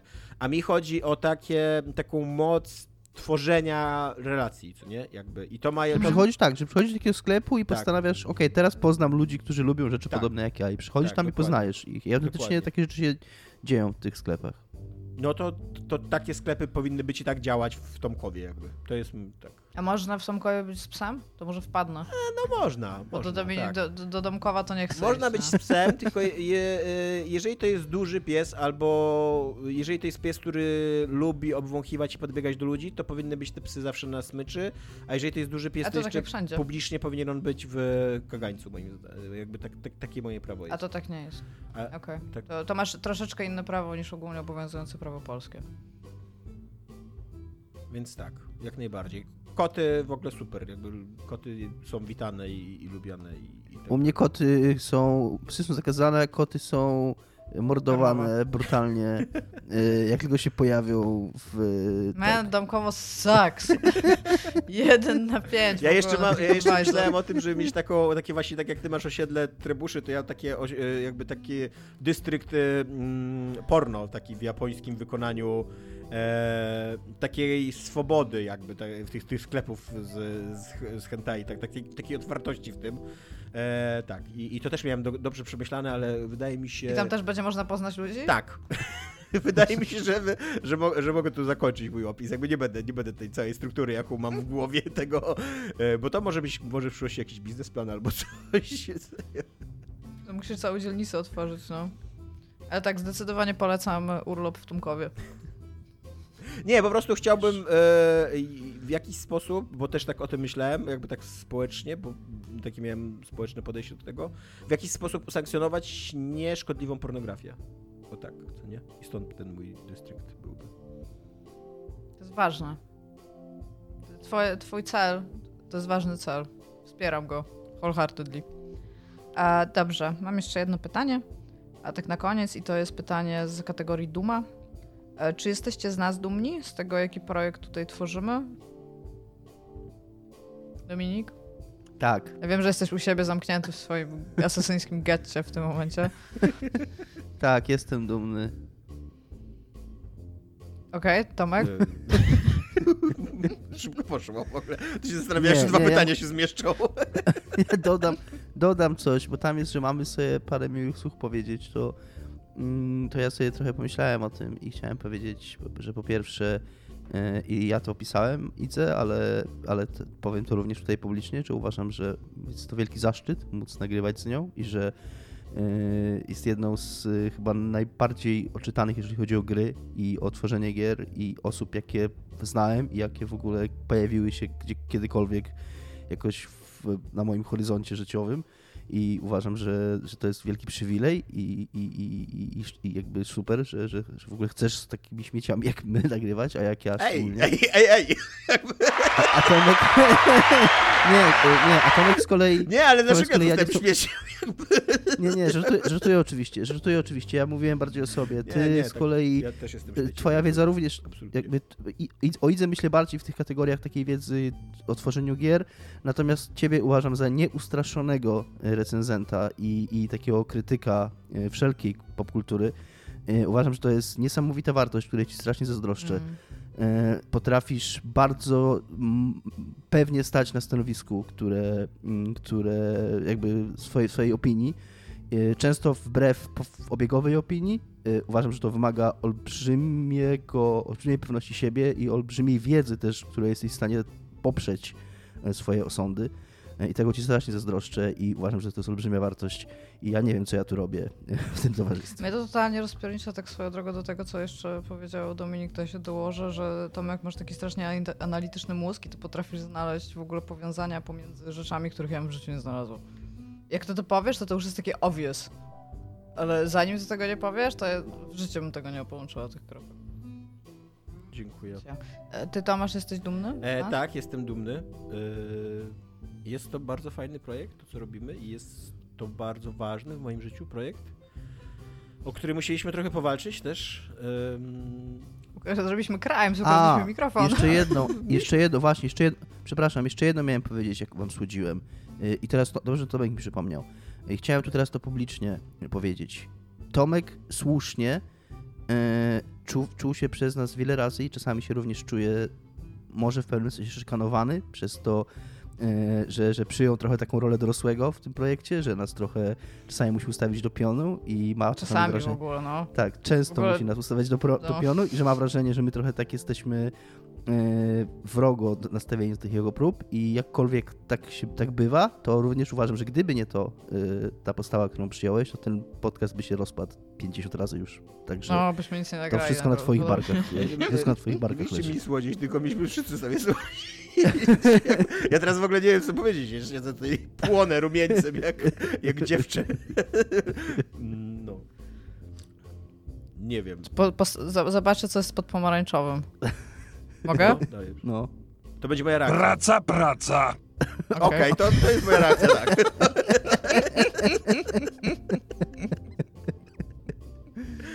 E, nie no tak, no musieliśmy, musieliśmy ukraść mikrofon, musieliśmy zrobić zbiórki, musieliśmy... ym, ja też miałem kiedyś kryzys y, taki mocny z nagrywaniem i wtedy gdyby nie Dominik, nie Iga, to, to być może bym się w ogóle wycofał. E, teraz później pandemia nas też y, jakby tak poprzestawiała, więc to też jest coś, o czym musieliśmy powalczyć swego kilka razy i żeby, żeby ten podcast istniał i działał. E, Więc jestem dumny z tego, że powalczyliśmy, że istnieje i, i, i działa. Jestem dumny, że jesteście moimi przyjaciółmi, bo to jest w ogóle chyba dla mnie najważniejsze, że jesteśmy przyjaciółmi i że mamy spoko relacje i widzimy się. Tak naprawdę, kurde, ja się z wami widzę dużo częściej niż z ludźmi, których znam na przykład od podstawówki albo liceum, nie? Bo widzimy się półtorej, dwie godziny tygodniowo. To nie jest mało, co nie? Jakby tak, to jest takie Tak. Krótkie wyjście na piwo Nie, raz w jeżeli, tygodniu. ta, nie? jeszcze przy okazji, jak mamy dłuższe przerwy, to ja realnie tęsknię, że was nie widzę. I- W sensie, jeżeli na przykład nagrywamy coś w jakąś środę albo coś i potem w niedzielę się nie widzimy i dopiero w kolejną niedzielę, to to jest dla mnie bardzo dziwne, że was nie ma. I ja bym chciał y, tutaj jakby mm, odbić trochę piłeczkę do Dominika, e, że ty tak nas przedstawiłeś, jakbyśmy my mieli jakąś gigantyczną wiedzę, a ty byś jej nie miał, a to jest totalnie nieprawda. Ty masz, Dominik, mega dużą wiedzę, bardzo dużo czytasz y, serwisów, newsów i tak dalej i wszystko wiesz o giereczkach. Może Iga może ma bardziej takie, nie wiem, naukowe, takie ym, no naukowe podejście, takie, takie, takie właśnie analityczne podejście, ale do takich faktów z życia konsol i z, z tego, jak, jak gry wyglądają, co tam się dzieje w nich i tak dalej, to ty masz Technologiczne jeszcze, Dominik, ogarnia. tak, to, to, to, to są po prostu, wiesz, tyle razy, ile ja się myliłem, bo mam jakąś taką właśnie obikową opinię o tym, że coś działa tak, a nie inaczej. Ja to już, nie, nie, nie, czytałem o tym, co nie, takie tak, okej, to, no to, to jest niesamowite, jakby jesteś tam, a poza tym też jesteś naszym w ogóle technikiem, więc to też jest, nie, nawet mi, ekonomem. tak, E, i matematykiem. E, wie, więc e, tak, a Iga, no super, że jesteś.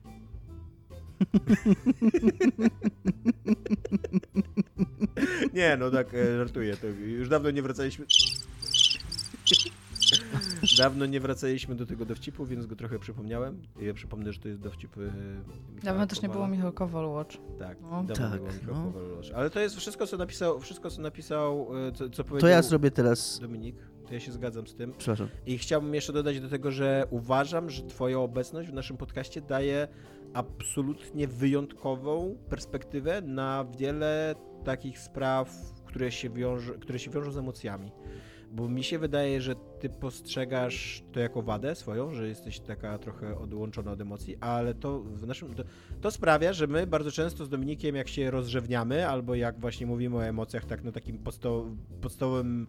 Ja w ogóle tak bardzo nie skojarzyłam że, że emocje ze mną, że myślałam, że mówisz do Dominika, nie, a nie, nagle totalnie, powiedziałeś właśnie- ale właśnie o to w chodzi, formie że- żeńskiej. To właśnie o to chodzi, że często jak my gadamy jakieś takie pierdoły, jakieś takie truizmy, to nagle ty się włączasz z taką perspektywą, że ej, ej, ej, tak, ale emocje tak, wiesz, jakby ja to inaczej postrzegam i to jest takie okej, jakby rzeczywiście gadaliśmy truizmy, tak broken. szliśmy, nie jesteś broken. Ja literalnie mam papiery na to, że jestem broken, jeżeli chodzi o kwestię emocjonalności, postrzegania emocji. E, Ale Chciałem zrobić jestem- szybki, Ej, okej. szybkie pi, pi, pi, pi, pi, Kowal Watch No. w takim razie, jak dawno nie było. E, Michał Kowal dał się namówić, głównie Michałowi Piwowarczykowi, bo on z nim siedzi w pokoju i dużo z nim gada, ale mi trochę też, bo też mu polecałem i zaczął grać w Elden Ringa. No i gra w niego dosyć mało, bo on tam ma mało czasu, więc tam sobie włączy na pół godziny, godzinę dziennie. I tam jest ten taki rycerz na początku, na koniu, jak się wchodzi do open world. Jest, no. I to jest generalnie taki rycerz, co dla normalnego gracza, on jest raczej nie, nie chodzi, że jest nie do zabicia, tylko raczej ma się świadomość, że się, żeby go nie ruszać na razie, bo, bo on jest tam na wyższy level, ale do Kowala najwyraźniej dodatka, dodatka nie dotarła, więc Kowal, grając w pierwsze Soulsy w swoim życiu, yy, pierwszą grę From, po prostu wziął i kurwa zabił tego rycerza. Znaczy jest w ogóle taki mem, który chodzi, że jak zaczynasz grać w Elden Ringa, pierwsze co robisz i nie możesz zrobić nic oprócz tego, to jest musisz zabić tego typa na koniu, trust me. I Tak, jakby no i, to, to i, krąży, Kowal, no. i, i to, mnie, to mnie tak strasznie roz, roz, yy, rozbroiło, że po prostu Kowal wziął i zabił. Yy, I, I Kowal jest moim jeszcze. A później poszedł i tam tego smoka na bagnie też tam wziął i zabił. I Kowal jest gi- gigaczadem, jeżeli chodzi o, o Elden Ringa dla mnie. Przez to, że to jest jego pierwsza gra From i po prostu tak sobie ją wziął i tam zabija rzeczy. No to może jest dobry w zręcznościówki, bo to w sumie jest taka bardzo dobrze skrojona zręcznościówka. Iga, czy ty jesteś dumna? Zawiesiłam się na moment. Ja jestem bardzo dumna. My kiedyś o tym w ogóle rozmawialiśmy i ja w ogóle po, po pierwsze to wam chciałam podziękować za dużo cierpliwości co do mojej osoby, bo my rozmawialiśmy o tym projekcie no, przez wiele lat dosyć, no jak się mówi, nie kontynuacyjnie, tylko co, co pewien czas. Regularnie. Regularnie, dobrze, tego słowa szukam. E, ja byłam na samym początku taka. Mm, ja za bardzo nie wiedziałam, co ja mam w ogóle o tym wszystkim myśleć, bo bardzo, bardzo chciałam go robić, bardzo mi zależało. Nie wiem, czy pamiętacie, że jeszcze takie drukowałam kiedyś tematy, żebyśmy mieli na kartkach papieru, żebyśmy mogli tam na nie patrzeć. Robiłam jakieś notatki, ale ja jestem, e, a właściwie byłam, bo teraz już jest trochę lepiej. Dość niestabilna emocjonalnie, więc tak trochę w jedną stronę, trochę w drugą i te skrajne emocje były dla mnie dużo prostsze niż ten cały szereg e, szarych jakby emocji, które można mieć w stosunku do czegoś. A, I ja przecież zawsze stałam ze wszystkim na nie. Bardzo, bardzo wiele akcji, które robiliśmy, to ja byłam sceptyczna i nie za bardzo chciałam je wykonywać, ale wy mnie przekonywaliście i to wszystko w ogóle wyszło super, co jest tam mega dobrze. A, I nie wiem, nie wiem, czemu tak bardzo często stoję po prostu okoniem i mówię, że nie. Zawsze uważam, że lepiej jest mieć jaką, jakąkol- jakiekolwiek zdanie, które jest ekstremalne, niż nie mieć jakiegoś zdania albo poczekać, żeby je wyrazić, co też jest najprawdopodobniej dosyć głupie. A i no mówię, bardzo Wam chciałam podziękować za cierpliwość, bo to już jest jednak kawał czasu, kiedy, od kiedy to robimy. I fajnie jest mieć 354 odcinki dokładnie i ani jednego odcinka więcej nagrane. Jesteśmy. I to już jest dużo odcinków.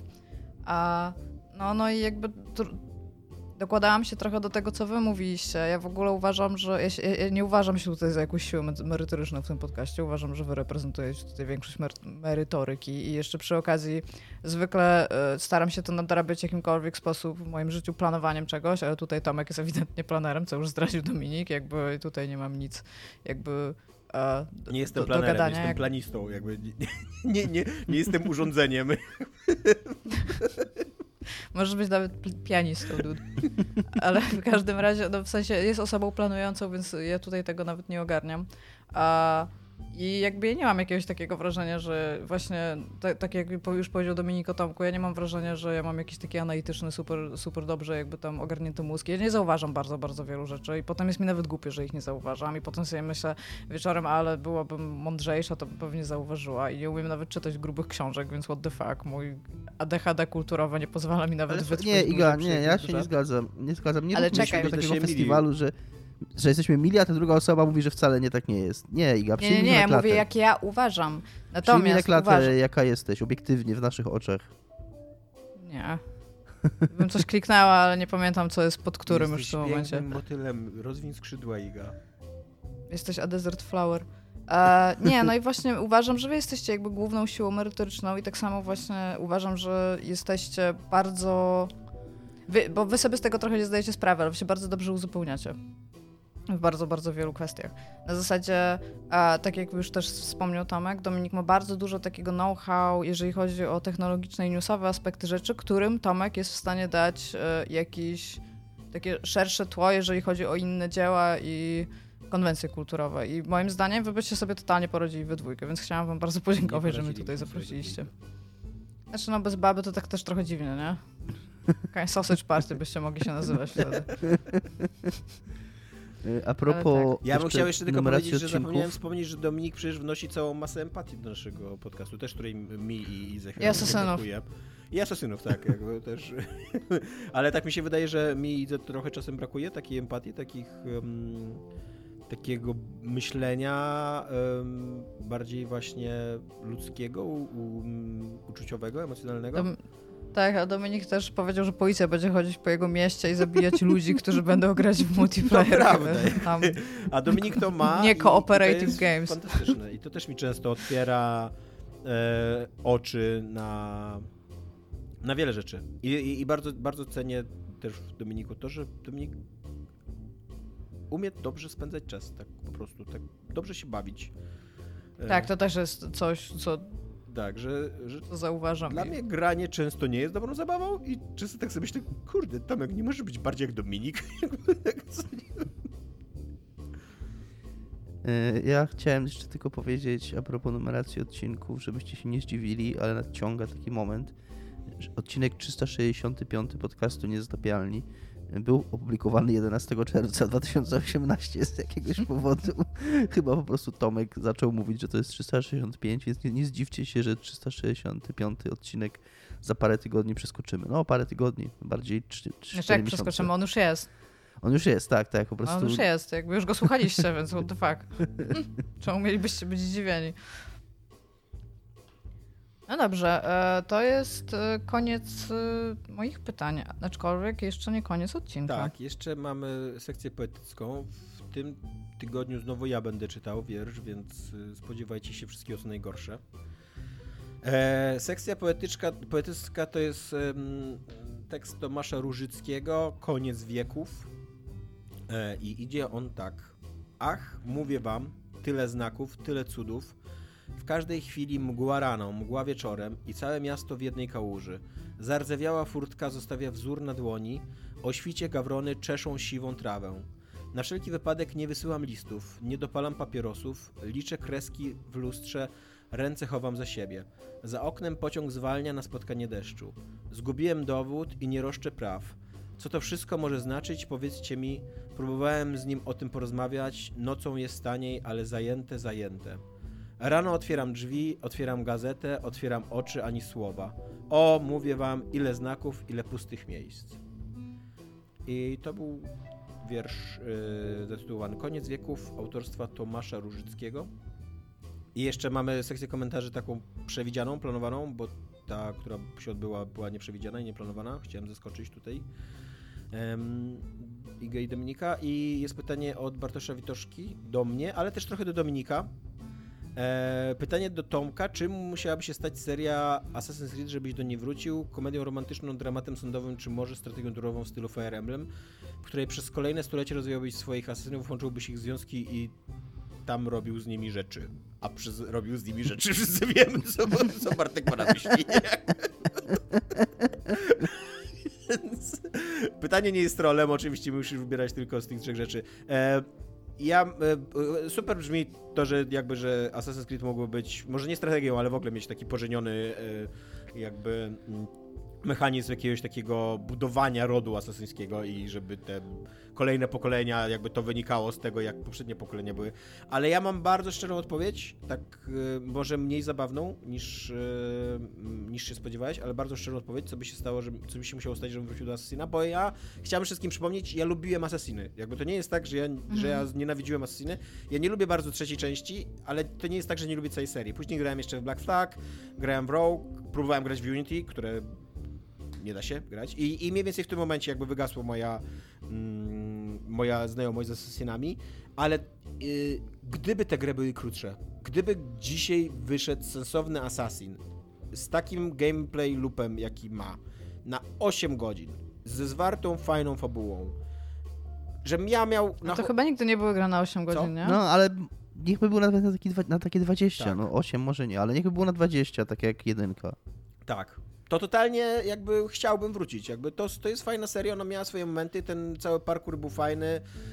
Ja jeszcze nie grałem w tą nową walkę, ale ta stara walka oparta na kontrach mi się nawet podobała. Ja, mnie, mnie to nawet wciągało. I więc tak, więc to nie jest tak, że ja opuściłem tą serię. Ja czuję, że ona mnie trochę opuściła, bo, bo się zaczęła rozrastać i rozrastać i rozrastać i rozrastać.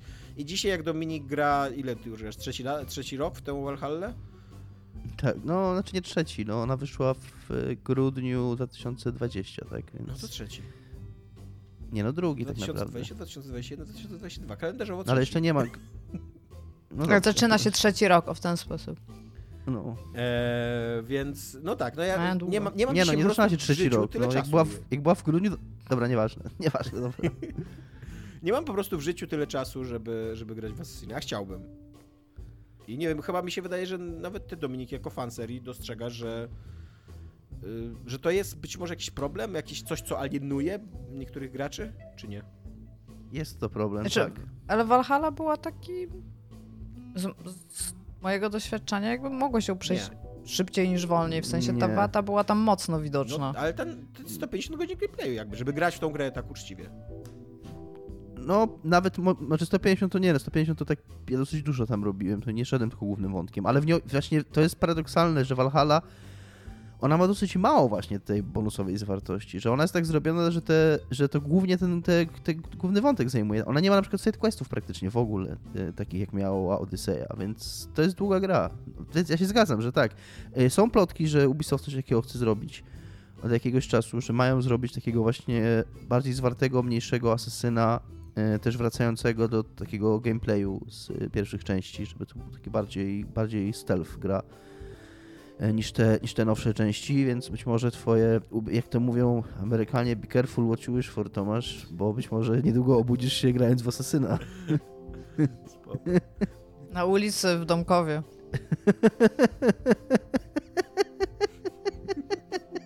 Na której nie wiesz. Jaka to wersja? Więc tak, to, to jest odpowiedź na moje pytanie, Bartku.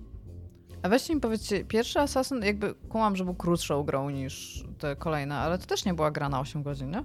No na jakieś 20 25. wydaje mi się. Co mówi Hollow Okej. to Beat?